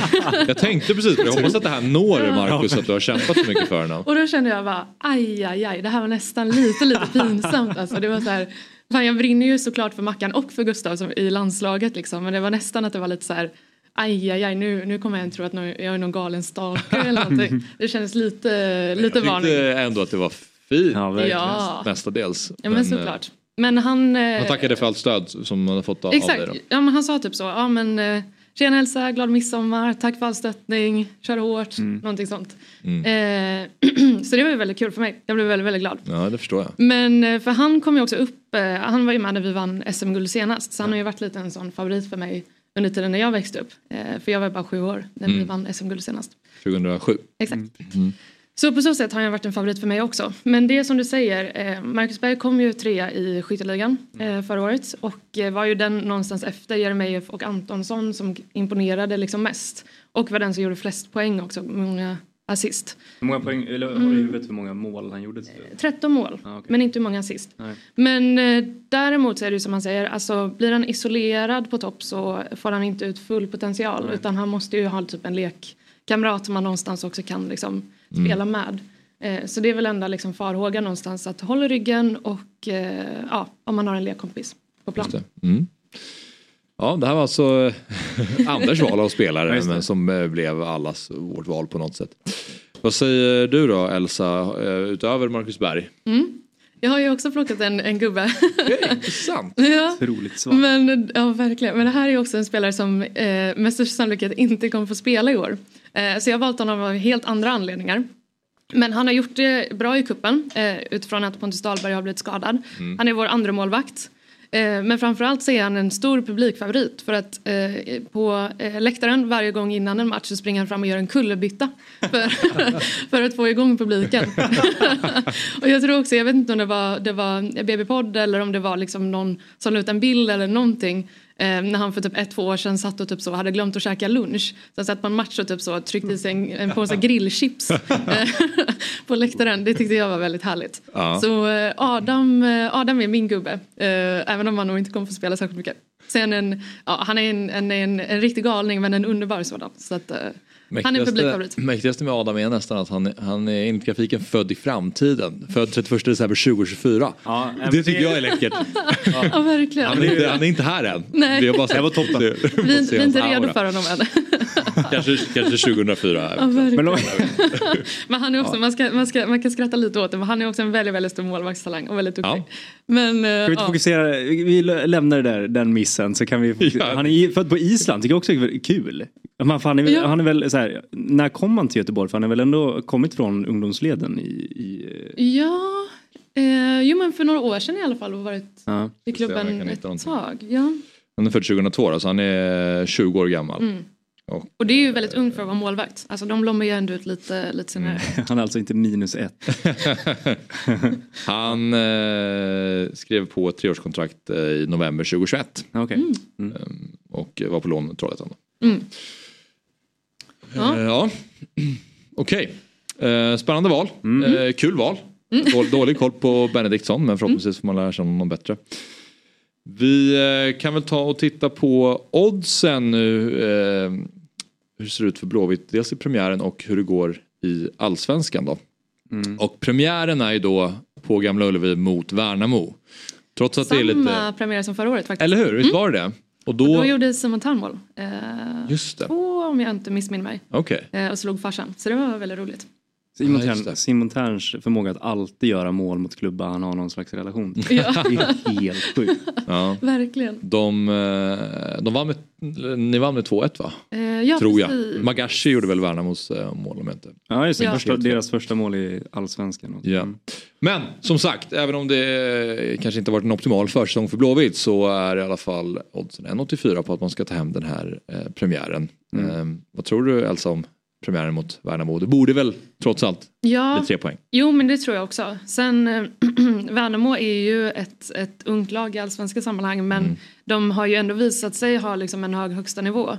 Eh, och det är klart att de också har gjort en hel del spännande nyförvärv så jag tycker inte man ska räkna bort dem. Nej. Och eh, såklart blir det speciellt att se Gustav Engvall i Värnamo. Just, Just det. det. Just det. Just det. Och hur går det då i allsvenskan enligt eh, oddsen då så är det 55 gånger pengarna på att de vinner allsvenskan. 9,70 topp 3, Någon som är 3,75 sugen? topp 5. Ja. Mm. Nej, jag Nej. kommer inte spela på det. Nej. Eh, för att jag tror inte på Blåvitt. Men eh, man får ju mycket tillbaka. Ja, om, de, om det skulle visa sig så att de faktiskt går och vinner alltihopa. Kan vi Ja, säga verkligen. att oddsmakarna inte håller med klubbledningen om att målet bör vara att sluta topp tre i alla fall. Eh, ja, just det. Visst är det lite 9,70. tufft ut? Ja. Precis. Eh. Baserat på oddsen hade Stare ett tufft mål ja. Ja, Mm. precis. Man verkligen säga. Ja men så ser det ut i alla fall och eh, Oddset är en produkt från Svenska Spel, Sport och Casino AB. Åldersgräns 18 år och har du problem med spel så finns stödlinjen.se. Ehm, vi ska faktiskt ta och lämna Blåvitt lite grann Mm. hade jag tänkt. Om, är det någonting som du känner att du vill? Nej men vi ska Addera. inte ta och vill lotta. du ja, vi, vi kanske ska göra det nu då. Om, eh, ja vi gör, vi gör det nu. Vi gör det nu. Vi har Då- väl fått den stora äran att dra vart Blåvitt ska hamna i. Precis, Mm. precis. Var Blåvitt ska hamna i Fotbollsmorgon-tabellen. precis. Spännande. Den slumpmässiga tabellen. Slumpmässiga Som just nu. Varberg leder. Vilken ångest jag kommer att få om jag går 16. härifrån. Och, ja, exakt. Alltså, det är ju riktigt så här mardröm. Ja, det här är Men, eh, väldigt spännande. Ja. Oväntat spännande tycker jag. Att jag tycka att det var så Ja. intressant att se vad men- Oj, det- oj, oj, oj, oj, oj. Vilken säsong Blåvitt Det gör. blir eh, Europaspel. Det är bara att ta semester i sommar då. Vilken härlig, Ja. härlig sång på västkusten det kommer vara. Trist att vi föll på målsnöret då. Men vi får se. Det kanske är så här, 10 poäng upp till Häcken Ja. eller vad det blir. Alltså en andra plats känns väl som ett SM-guld. Ja, det förstår Om jag. vi hade kunnat... Så då var den- klubbledningen inte helt illa ute ändå Nej, från första början. Otroligt. 10 poäng upp till Häcken så ja, det kan ju vara i Fotbollsmorgon-allsvenskan kan det i och för sig vara 10 poäng upp till BP. Som, Ja, precis. Ja. som tar hem hela skiten. Det Spännande. får vi se, men då ska vi lägga in det. Och eh, Det här hade jag ju tagit alla dagar i veckan i alla fall. ja, det förstår jag. Ja, ja men Om man fick... eh, så verkligen. Ja. Och i din egen tabell, Mm. vad sa vi, Göteborg på sjunde plats. Exakt. Mm. Och Just det. det är väl lite optimistiskt eh, lagt. Men jag ser det som att det någonstans ändå finns ett, liksom ett mittenskikt med lag som är lite oklara ändå. Um, IFK Norrköping, IFK Göteborg, eh, ja, Elfsborg utifrån att de inte har spelat kuppen men gjorde en bra avslutning förra året. Så att jag tycker att ändå att det är ganska öppet där Mm. någonstans i mittenskiktet. Verkligen. Eh, och där hoppas väl jag att vi kommer vara uppe och nosa bland, bland de högre. Ja. Men eh, det, det är optimistiskt, det inser jag också.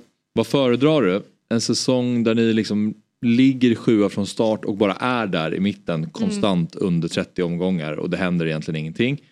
Eller att ni är liksom med och hotar lite så att det liksom lite puls. Att hoppsan nu är vi med i toppen och sen på slutet faller ner till sjunde plats.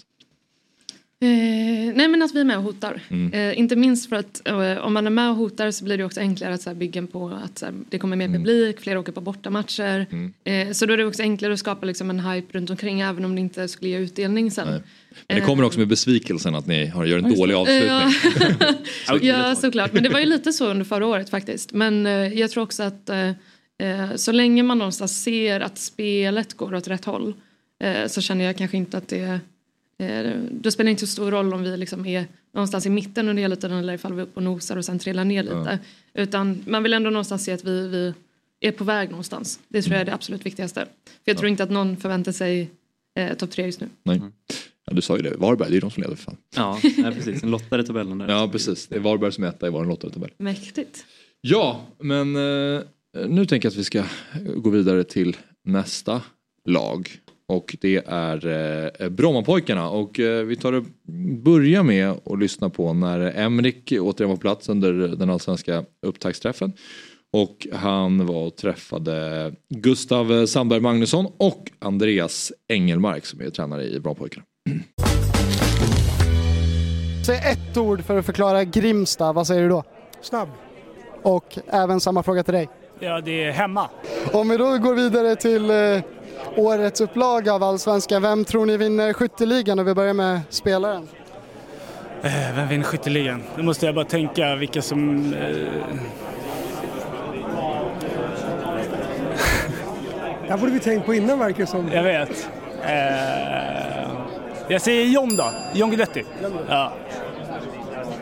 Du tog ju en Ja, BP-kille sådär. annan. Ja, du måste ju säga någon annan. En BP-kille måste jag säga också. Ja, jag skulle vilja säga Joel Asoro, en gammal spelare till mig, men eh, han gör ju för få mål nu för tiden. Men jag sätter lite press på honom och säger Joel ändå då.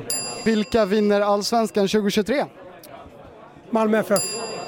Eh, oj, oj, Häcken säger jag då. då. Vem är roligast att bråka med? Och det kan vara tränare eller spelare. Det måste ju vara Christer då, min gamla kollega. Det ska bli kul att bråka lite med honom. Och vad säger du?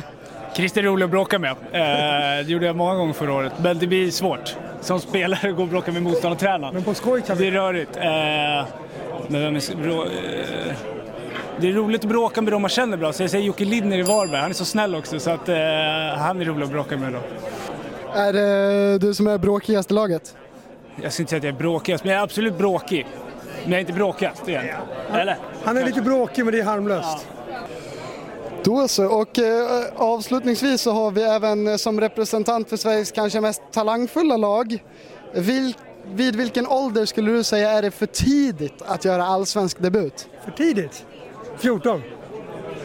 Och en fråga till er båda. I studion har vi ofta diskussionen eh, kring vilken fotbollsålder man inte kan klassa som ung eller talang längre. Vid vilken är den äldsta åldern när man fortfarande kan klassa som ung slash talang? Men talang är man inte när man har fyllt 20, det tycker inte jag. Då är man någonting annat. Vad säger du? Ja, tufft. Det var tufft. Jag är väl lite över 20 tycker jag man kan vara. Eh, det tycker jag. Men inte jättemycket över. Eh, låga 20 säger jag. Jag har slagit huvudet. Men... Ja, och eh, då har vi som sagt kommit fram till Bromma-pojkarna ni såg i inslaget där. Gustav Sandberg Magnusson och eh, Andreas eh, Engelmark. Och ehm, nu ska vi prata med en person som har insyn i BP och för de allra flesta så är han mest känd, eh, mest känd för sin röst och sin kommen- kommentering och eh, förknippas med klassiska sägningar från Fifa, spelen, Champions League-finaler och stora Premier League-matcher. Men han har också en klubb som han håller kärt och som han har tillbringat stora delar av livet i som spelare, speaker, marknadsansvarig och ungdomstränare. Mm. Det är alltså Viaplays kommentator Henrik Strömblad jag pratar om här. Henrik, välkommen till Fotbollsmorgon. Tack så mycket. Du, eh, hur känns det att vara med i ett sammanhang där vi bara ska prata om vi, jag tänker att vi, vi, vi ska inte prata så mycket om ditt jobb. Det har ju varit mitt liv ända sedan jag var 12 år sedan jag började lira i den här klubben. Så det är ju fortfarande en stor del av mitt liv. Och alla mina bästa kompisar spelade jag med där och, som jag fortfarande umgås med. Så eh, det är alltid kul att prata BP. Mm. Eh, till att börja med då, vad tror du om eh, BP's förutsättningar att, ja man tänker väl hålla sig kvar i Allsvenskan 2023? Ja, men det måste alltid vara målsättningen. Det här är ju sjunde säsongen grabbarna är uppe nu. Jag, jag minns ju nu första säsongen när vi kom upp 2007. Mötte Djurgården på Råsunda. En ung Albin Ekdal, 18 år gammal, då, dominerade på mittfältet. Jocke Runnemo satte matchens enda mål och då kändes det ganska bra att den allra första allsvenska matchen slutade med seger mot Djurgården. Då. Men, men självklart det har hänt massor sedan dess. Och givet är ju, jag ser ju vad alla tippar och vad alla säger att, att BP kommer att åka ur igen. Så det, det gäller att motbevisa det i sånt fall. Mm. Vad tror du själv då? Oj! ja. Nej, men jag tror att eh, nummer ett är förstås viktigt att sätta ett bra försvarsspel och det vet jag att Olof och Andreas jobbar med, att, att försvarsspelet måste fungera. Du måste få en, ett fungerande försvarsspel, annars klarar man sig inte. Det, det ser man på lag som Varberg som är jätteduktiga på att försvara sig och jag menar andra, andra lag som har byggt upp det där och eh, det, det är ju grunden i ett bra fotbollslag. Sen eh, så är det ett stort frågetecken för Oskar Linné som bara spelat tre matcher på tre år som målvakt och ska kliva in i det här. Nu gjorde Oskar sin första match här i veckan mot, eh, eller förra helgen mot Giffarna Sundsvall då. Och det är klart att som målvakt, jag stod ju där själv när jag spelade, inte alls lika framgångsrik som Oskar, men, men jag vet ju att timing och matchspel är ju det viktigaste. Du kan aldrig träna dig till, till de detaljerna. Så, att, så att det är klart att Oskar har mycket att bevisa när han har varit borta från eh, toppfotbollen så länge då. Mm, mm. Men eh, vi har ju lite grafik här på startelvan och på hela truppen. När du ser startelvan här, vad, vad tänker du då Henrik? Tänker du att det är ett lag som, som håller sig kvar i, eh, i allsvenskan? Jag tänker att jag ändrar den där. Utifrån vilka premisser den där satt. Vem, vem satt ihop den? Ja, det är redaktionen som har gissat lite på en tro, Ja, ja, tro, okej. trolig startelva. Ja, ja, ja, okej, men jag ändrar Men- lite. Jag, Ja, gör det.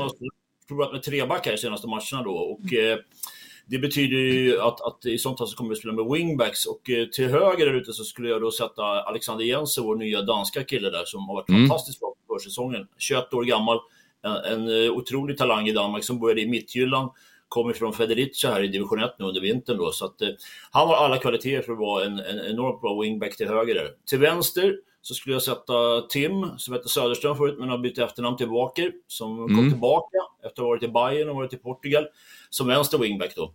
Och så sätter jag väl Amadeus tillsammans med eh, Karesir och förhoppningsvis eh, Alexander Abrahamsson, som har haft stora skadeproblem och opererat sig, men, men också är tillbaka där. Mittfältet, Samuel Lidsholm och Gustav Sandberg Magnusson in i mittfältet då. Och sen har vi Oskar Pettersson, Nikola Vasic och eh, dessutom Marian Kosic på topp då. Mm. Det är det laget de experimenterar med för stunden vet jag och det hoppas jag ska kunna funka om man kör det. Då, får man lite mer tryck framåt. Samtidigt kan det vara lite tufft att försvara med treback men det bygger på att wingbacksen tar det defensiva jobbet. Tror att, tror att BP kan eh, skifta lite mellan tre eller fem back och fyrback som man har spelat tidigare beroende på vilket typ av motstånd man spelar mot i, i, i år? Det kan man säkerligen göra och Agardio som har kommit in där som vänsterback, nu, nu har inte han spelat någonting från Norrköping då, men han, han har ju rutinen. Han har ju spelat både i Kalmar och Mjällby och Norrköping. Och, och är ju en erfaren försvarsspelare, kanske inte så bra offensivt, men, men ändå en tung, bra försvarsspelare att ha där. Så att självklart kan man gå däremellan, men sen gäller det ju att ha ett eget spel, att ha, våga ha ett anfallsspel och, och framförallt vinna mittfältet. Där får jag berömma Fritzson också, som kommer från Östersund. Han kan mycket väl gå in i det. För Det är, det är en bra bollvinnare, det är en spelare som jobbar, som springer stenhårt, som, som vet att man måste göra jobbet. Som Mm. en mittfältare måste ta i Allsvenskan. Mm. Jag såg att Marian Kosic eh, sprutade in mål här senast mot eh, Sundsvall. Och så har vi Vasic som gör, en, del, en hel del mål också. Oskar Pettersson på kanten har varit fin senaste säsongen. Eh, vilken spelare i Brommapojkarna tror du blir den viktigaste under kommande säsong? Ja, men om det handlar om målskyttet och produktionen framåt så är Oskar Pettersson definitivt. Han, han är ju liksom eh, nyckeln till det. Oskar vann ju assistligan i Superettan på 12 assist förra säsongen och gjorde 15 mål. Vilket man får anse som jättebra då. Samuel Lidsholm var tvåa i assistligan på 11. Så att, eh, och Nikola gjorde 11 mål då. Så att, eh, men Oskar med sin snabbhet, explosivitet och, och, och liksom bra spelsinne skulle jag se som den viktigaste anfallsspelaren. Mm.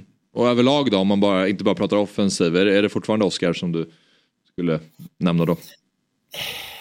Ja, alltså, Gu- Gustav som ni såg i inslaget här inne, Gur- Gurra som är våran eh, klippa som ju är den som har varit kvar i alla år och åkt hiss upp och ner i divisionen och allting. Mm. Han är ju liksom hjärtat i BP kan man säga. Han, han, de hämtade honom från Gothia Cup när han var 17 år och debuterade 2009 mot Kalmar. Så han kommer att göra sin sjätte säsong i Allsvenskan och om man inte har blivit åksjuk på att åka upp och ner då från Allsvenskan till division så, så är ju Gustav med sitt hjärta liksom. Och eh, det, det är ju klippan i laget. Det, det, det är inte den bästa fotbollsspelaren, men han har en otrolig inställning. Och den är ju så, så viktig i fotboll. Inställningen är ju liksom A och O i alltihopa. Mm. Vi måste även nämna eh, Mattiasson som eh, eh eller nya tränare på, på den här bänken i Mellberg som kommer tillbaka och Engelmark. Vad, vad tror du om deras intåg i klubben och, och, och eh, vad de kan få för eh, impact på Brommapojkarna? Och hur tungt är det att tappa Mattiasson? Ja, just det. Ja, men om vi börjar med Christer då, som jag ju känner väl som en kompis med Mattias. Han gjorde ett fantastiskt bra jobb i två säsonger tillsammans med Andreas Engelmark då. Mm. Där ingen i klubben hade förväntat sig att det skulle bli uppflyttning direkt ifrån Superettan då med serieseger och allt. Så att, eh, de har ju lagt grunden och det som känns lite skönt nu är ju ändå att Andreas är kvar. För han kan klubben, han kan laget. Han är ju lite av en Stefan Billborn. Han har varit med och utvecklat talanger. Tog fram Dejan Kulusevski, Joel Asoro och Hampus Findell när han tränade 99 Mm. Jag tränade 99 andra lag, så att jag känner ju Andreas väl och vet hur duktig han är på att utveckla talanger. Mm. Men eh, vill han ha en utmaning så han stack till USA och var inblandad i Columbus Crew i MLS under ett antal år. Kom Mm. tillbaka sommaren 2020, klev in i staben, då åkte vi ur Superettan, eller 2019 var det, förlåt, eh, som vi åkte ur Superettan. Och sen har han varit med och byggt det här. Han och Olof har synkat väldigt bra. Olof var ju där, som ni alla vet, två succésäsonger. 2016 och 2017 när vi gick upp i Allsvenskan. Sen valde han att lämna.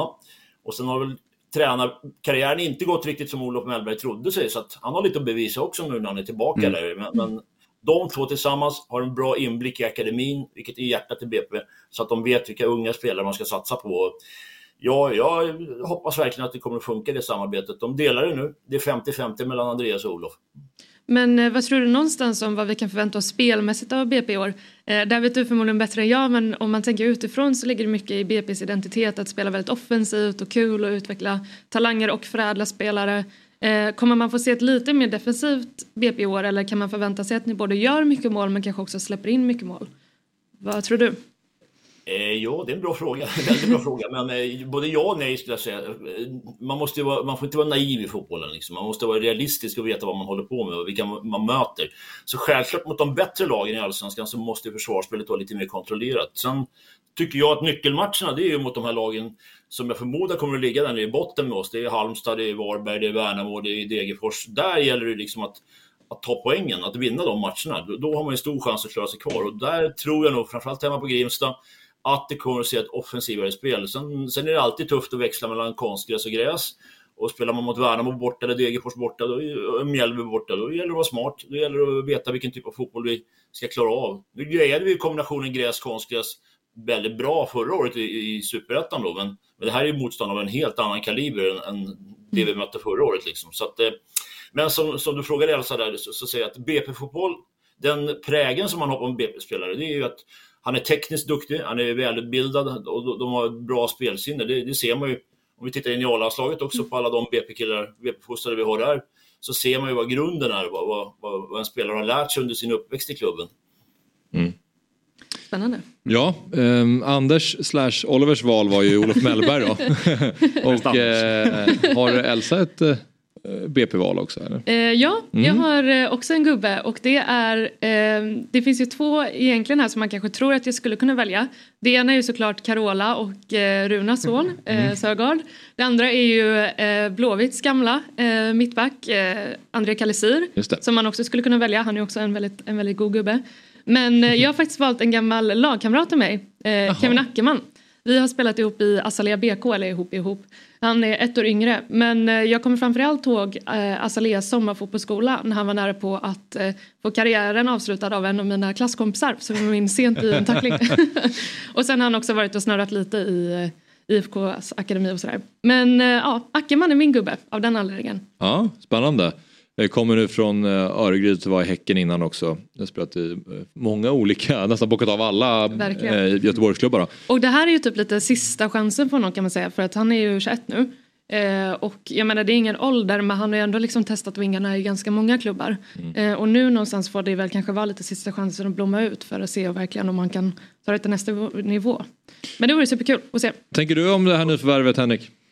Ja precis, jag skulle skjuta in lite där. Intressant ny, nyförvärv verkligen. Och Kevin rankades vad jag vet, som en väldigt stor talang. Han var ju till och med på väg till Fiorentina där i, Mm. från Häcken. Mm. Men drabbades ju av hjärtproblem tyvärr, så han var ju borta länge och fick rätta till det där. Och, Mm. och jag, vad jag hör ifrån folk jag känner i Göteborg och som har följt ÖIS så, så gjorde han ju ett jättebra jobb i, ett Örgryte som ju underpresterade förra året. Då, så att, eh, han har sett eh, lovande ut och jag vet att det är en spelare som jobbar hårt i kombination med att han är duktig med bollen där. Så eh, det, det är ju ett bra val för en intressant BP-kille, verkligen. Verkligen. Och Kevin är eh, en av Göteborgs största talanger som man verkligen pratade som du säger om i många år. Både Fiorentina men även som 11-åring så ryktades han till City. Eh, ihop med Herman Sjögrell som nu spelar i Sirius. Mm. Så han var verkligen så en av Göteborgs största talanger under väldigt, väldigt många år som väldigt många trodde på. Eh, så nu är det väl lite upp till bevis för Kevin.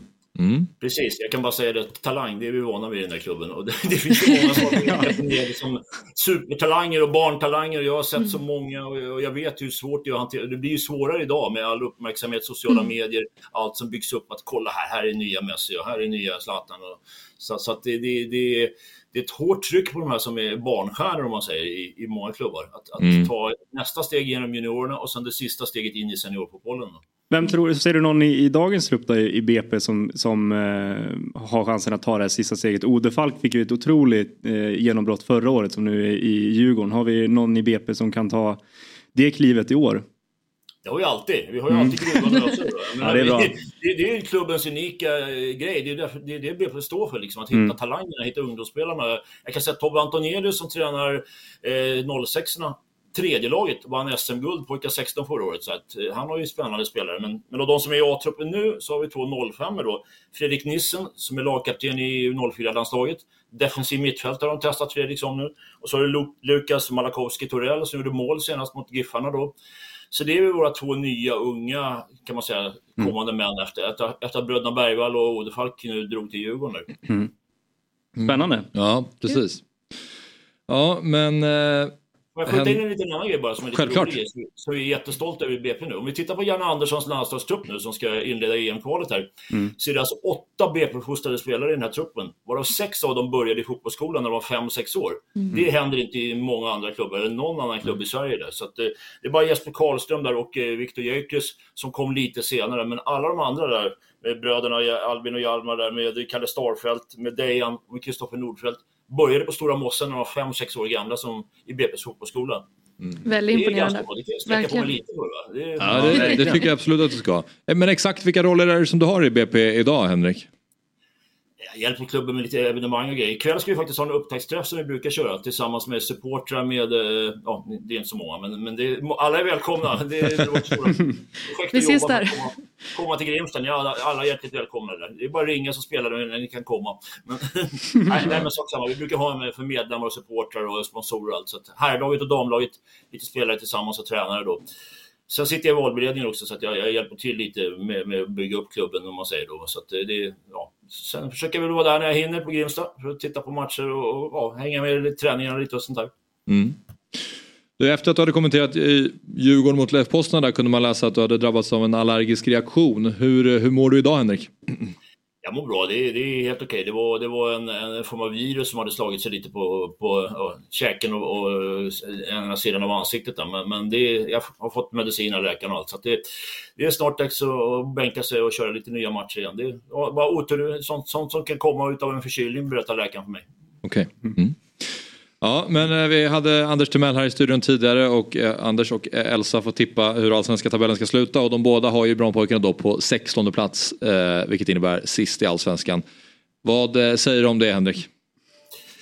Ja, Katastrof. Alltså, det, är, det är inte så konstigt, jag, jag förstår det. Och jag såg ju vad media tippade på upptaktsträffen där och det, det enda man kan säga är att då kan BP bara bli bättre än vad, vad alla tippar. Liksom. Och jag vet ju, men ta, ta Varberg och Jocke Persson, han har ju blivit tippad att åka ur fyra år i rad nu och, och han presterar ju. De, de eh, ligger väl till och med där på en kvalplats ser du, i, i din tabell Elsa där. Och Precis. Anders har de ännu högre upp där. Precis. Men, men det handlar ju liksom om att, ja, jag tror grabbarna och laget och Andreas och Olof är alla medvetna om vad, liksom, vad folk utifrån ser på BP som. Så att, eh, så att jag, jag kan bara hoppas att vi vinner rätt matcher som jag sa. Gör vi det så kan jag tänka mig att vi kan hamna 12 eller 11. Två gånger har BP hängt kvar i Allsvenskan förresten, så då, då är det dags för en tredje.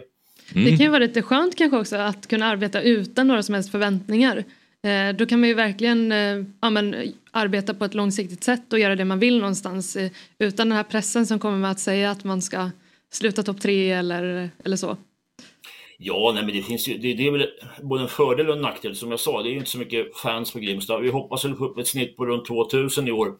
Sen är det fortfarande inte bestämt om derbyna ska spelas där eller om vi kommer att spela derbyna på Tele2. Det, det är en kostnadsfråga, en förhandling med Stockholms stad då, att, vad, vad de vill ta för pris för arenan. Men, men fördelen att spela i BP är ju att du är inte under samma tryck som du är i Blåvitt eller Malmö eller de andra tre stora lagen i Stockholm. Liksom, utan eh, du kan, kan i lite lugn och ro liksom, utveckla ditt spel och, och det finns inte den här pressen från fansen att, att nu jävlar, nu måste ni vinna liksom, och stå och skrika på sparka tränaren och sånt där. Så att det, det är en fördel för grabbarna som jag ser när man är ung också och lite mer känslig kanske. Mm. Ja men spännande att höra dina bara höra tankar. lite snabbt vad Henrik har för, eh, vilka Henrik tror vinner SM-guld då? Elsa och Anders har ju Djurgården som, som vinnare till slut. Vad, vad ligger ditt guldtips någonstans?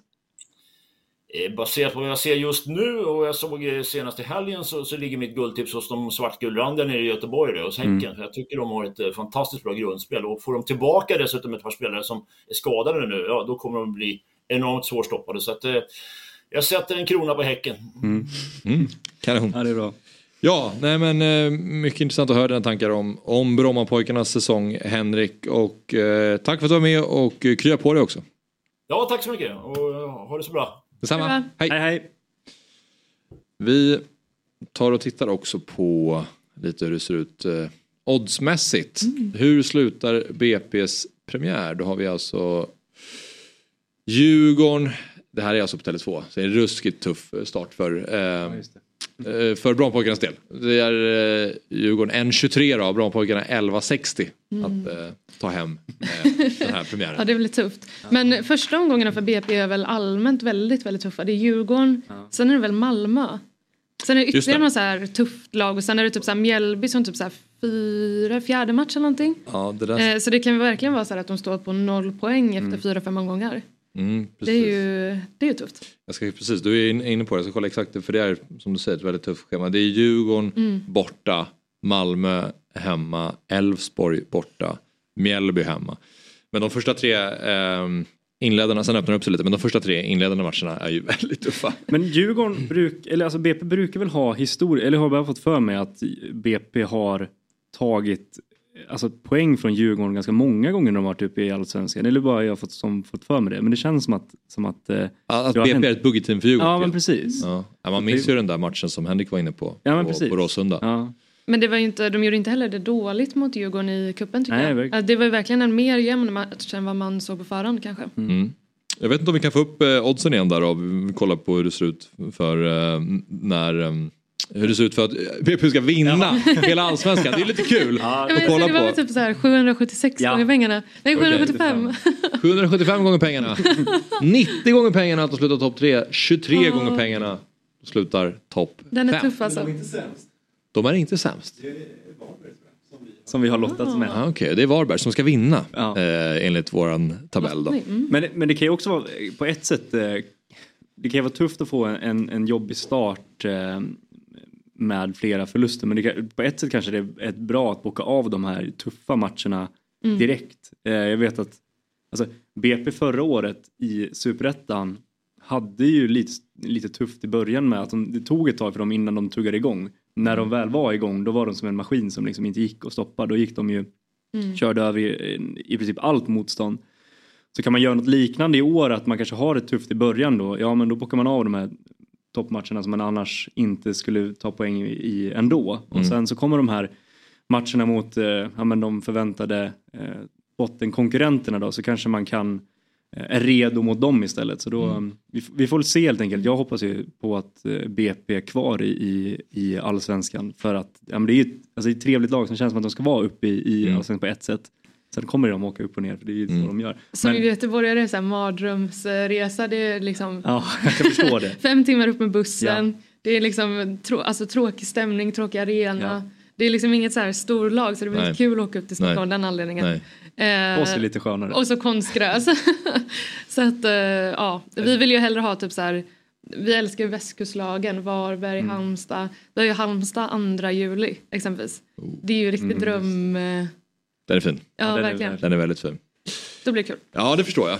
Men eh, ja, om man vill eh, lägga en peng på att eh, BP vinner allsvenskan, 775 gånger pengarna alltså, då gör man det via Oddset som är en produkt från Svenska Spel, Sport och Casino AB. Och eh, ni måste vara 18 år för att spela och har du eller någon du känner problem med spel, då finns stödlinjen.se. Sista detaljen här då, är ju att vi måste se var BP hamnar. Äntligen. I Fotbollsmorgon-tabellen. Spännande. Vem ska få... Om är du sugen? Kör. Jag kan köra, jag kan köra. Mm. Då har vi alltså Varberg etta, Mm. Blåvitt tvåa Mm. och Degerfors tolva. Degerfors tolva. Mm. Ja, Den är väl den mest ganska eh, än så länge. Men det, det var ju den Kanske vi tog först. Då tänkte vi så här, ja men det är väl inte helt orimligt. Ja. 30. Det här känns inte helt plats. off ändå. Mm. Okej, BP de gör en bra säsong. Ja, Ja. klarar sig kvar. Sett till uh, mångas förväntningar. Jag slipper kvala till och med. Ja. Eh, grattis Brommapojkarna! Verkligen.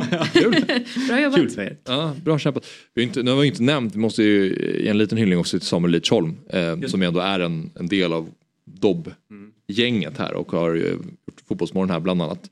Och mycket, eh, han är med ofta Fotbollsmorgon lördag som spelar mittfältare i BP. Um, han, eh, jag tycker att det jag sett på försången av honom så tycker jag att han har sett fin ut. Han är ju en ganska droppande mittfältare som kommer ner ganska djupt med, med, med en fin högerfot. Och just mot, BP, eller mot Djurgården i uh, Svenska Kuppen så tycker jag att han kom ner fint och skickade ut dem mycket fina bollar på kanterna. Och så där. så att han, han, eh, det vore kul om han skulle kunna ha en bra säsong också. Årets eh, mittfältare i Superettan förra året. Blev han ju. Ja, precis. Att, eh, Gustav Sandberg Magnusson som vi såg i inslaget som Henrik benämner som en av de viktigaste spelarna. Han har ju varit med och delta- deltagit i Quizaleta Mm. tillsammans med Samuel då, i vårt quizprogram här på Dobb-TV också. Roligt ju. Så eh, Hur gick det för honom? Men de, alltså, de hade lite, of, lite stolpe ut. De gjorde det bra men de hade en tuff grupp vill jag minnas Mm. och hade lite oflyt med eh, Med frågorna? Ja, Eller att de inte var tillräckligt skickliga, det beror på hur man ser det. Men det var, de, de, var, de var ofta typ rätt på det och så Ja. kanske att de funderade över två alternativ och så valde de det ena och så var det fel. Alltså, det var lite den känslan. Såklart. Så de var liksom i resonemanget på väg till frågan så var de ändå ganska mycket rätt och sen Ja, eh, precis. blev det ändå, ja, där har man ändå varit några gånger. Precis. Mm. precis. Ehm, så ja, jag tycker att de gjorde det eh, bra och förhoppningsvis så kanske de vill vara med eh, kommande säsong igen i vår. Ja, men Quizaleta, där ni, om ni vill se Samuel Lidsholm och Gustav Sandberg Magnusson eh, tävla i fotbollsquiz, då gör ni det på dobb.tv. Skaffa ett abonnemang där, det finns också 08 Fotboll till exempel. Så vi ska sända idag klockan 12. Vilken otrolig övergång. Eller hur? Ja. Det gjorde du bra. Ja, tack så fan. Wow. Det är en av få. Nej, övergångar. du är så duktig. Du gör det bra tycker jag. Jättebra. Tack så mycket. Um, ska, vi, ska vi avsluta dagens program kanske? Ja, Ehm, Det låter bra. imorgon, då är Niklas Niemi i studion. Och Fabian Ahlstrand. Mm. Är det några gäster som du vill nämna här? Ja, nu... Håll i er. Ja. Alltså, hå- håll i er. För imorgon då får vi besök av Lars Lagerbäck. Vi är inte klara där. Vi får också besök av Markus Krunegård. Nej, är det sant? Fan vad mäktigt. Det jag hoppades att du skulle säga. att det var de här gästerna som du skulle breaka. Kommer man prata lite Vadå? Norrköping Eh, det var det här jag hoppades Ja, att du skulle säga. Jag vet att de har varit lite på gång. Men, ja, eh, nej, men de, jag ville höra att det var bekräftat. de, de kommer. De kommer. Otroligt. Och framförallt så sitter ju du här. Ja, det är en är gåshud. ynnest. Ja. Gåshud. Mm. Jag älskar ju Marcus Krunegård. Ja. Och jag älskar Lars Lagerbäck. Ja. Ja. Kommer du kunna leda programmet imorgon utan att sitta och fnittra och Jag tror inte tindra? det. Kanske att jag inte ska göra det. Lars Lagerbäck dessutom bott granne med min morfar. Alltså Jaha. typ bara eh, dörrarna bredvid varandra i samma trapphus. Så att eh, jag, varje gång jag gick till min morfar så hoppades jag att jag skulle se Lasse. Såg honom aldrig. Aldrig där. Men det var ju också så här, sen började jag jobba på Island och så här, jag visste så här, Norge så jag misstänkte att han kanske inte var hemma så ofta. Men eh, det blir ett superprogram imorgon också då. Mm. För idag var det ju ett fantastiskt program också. jag. Och då ska vi snacka upp eh, IFK Norrköping och IFK Värnamo. Mm. Kul. Det blir skoj. Låter rimligt att göra den med Krunegård plats. Ja, det hade varit jävligt taskigt om vi skulle snacka ut liksom, Värnamo Mjällby imorgon. Nej men eh, det blir förbannat kul. Ska, han, ska han sjunga någonting då också? Får, vi får väl se. Jag vet inte riktigt om eh, hur det blir. Nej. Den, den som lever får se. Jag tycker ju deras inmarschlåt, Ett liv ett lag heter den va? Ja, precis. Är väldigt, väldigt fin. En av de bättre faktiskt. Alltså Ja. om man ska jämföra. Det finns ju verkligen så här högt och lågt i Allsvenskan. Om du tar typ så BK Häckens Ja, så här det. schlager, schlagerfestival eh, och typ så här våran och typ Bayerns. Det är verkligen eh, högt och lågt. Ja. Ja, ni, ni ligger ju i topp. Ja, det får man säga. I något i alla fall. Det är väl det tråkiga svaret. det är ju så. tack, tack, tack, tack. Ja. ja men kul, tack för idag Elsa. Tack själv, det var jättekul att vara här. Ja. Och Oliver, supersub. Ja. tack Anders som var här. Fem plus inom. Ja, tack Anders. Ja, nu är vi klara för dagen i alla fall. Fotbollsmorgon igen 07.00. Som sagt, då har vi Lasse Lagerbäck och Markus Krunegård i studion. Eh, Trevlig onsdag. Fotbollsmorgon presenteras i samarbete med Oddset, betting online och i butik. Telia, samla sporten på ett ställe och få bättre pris.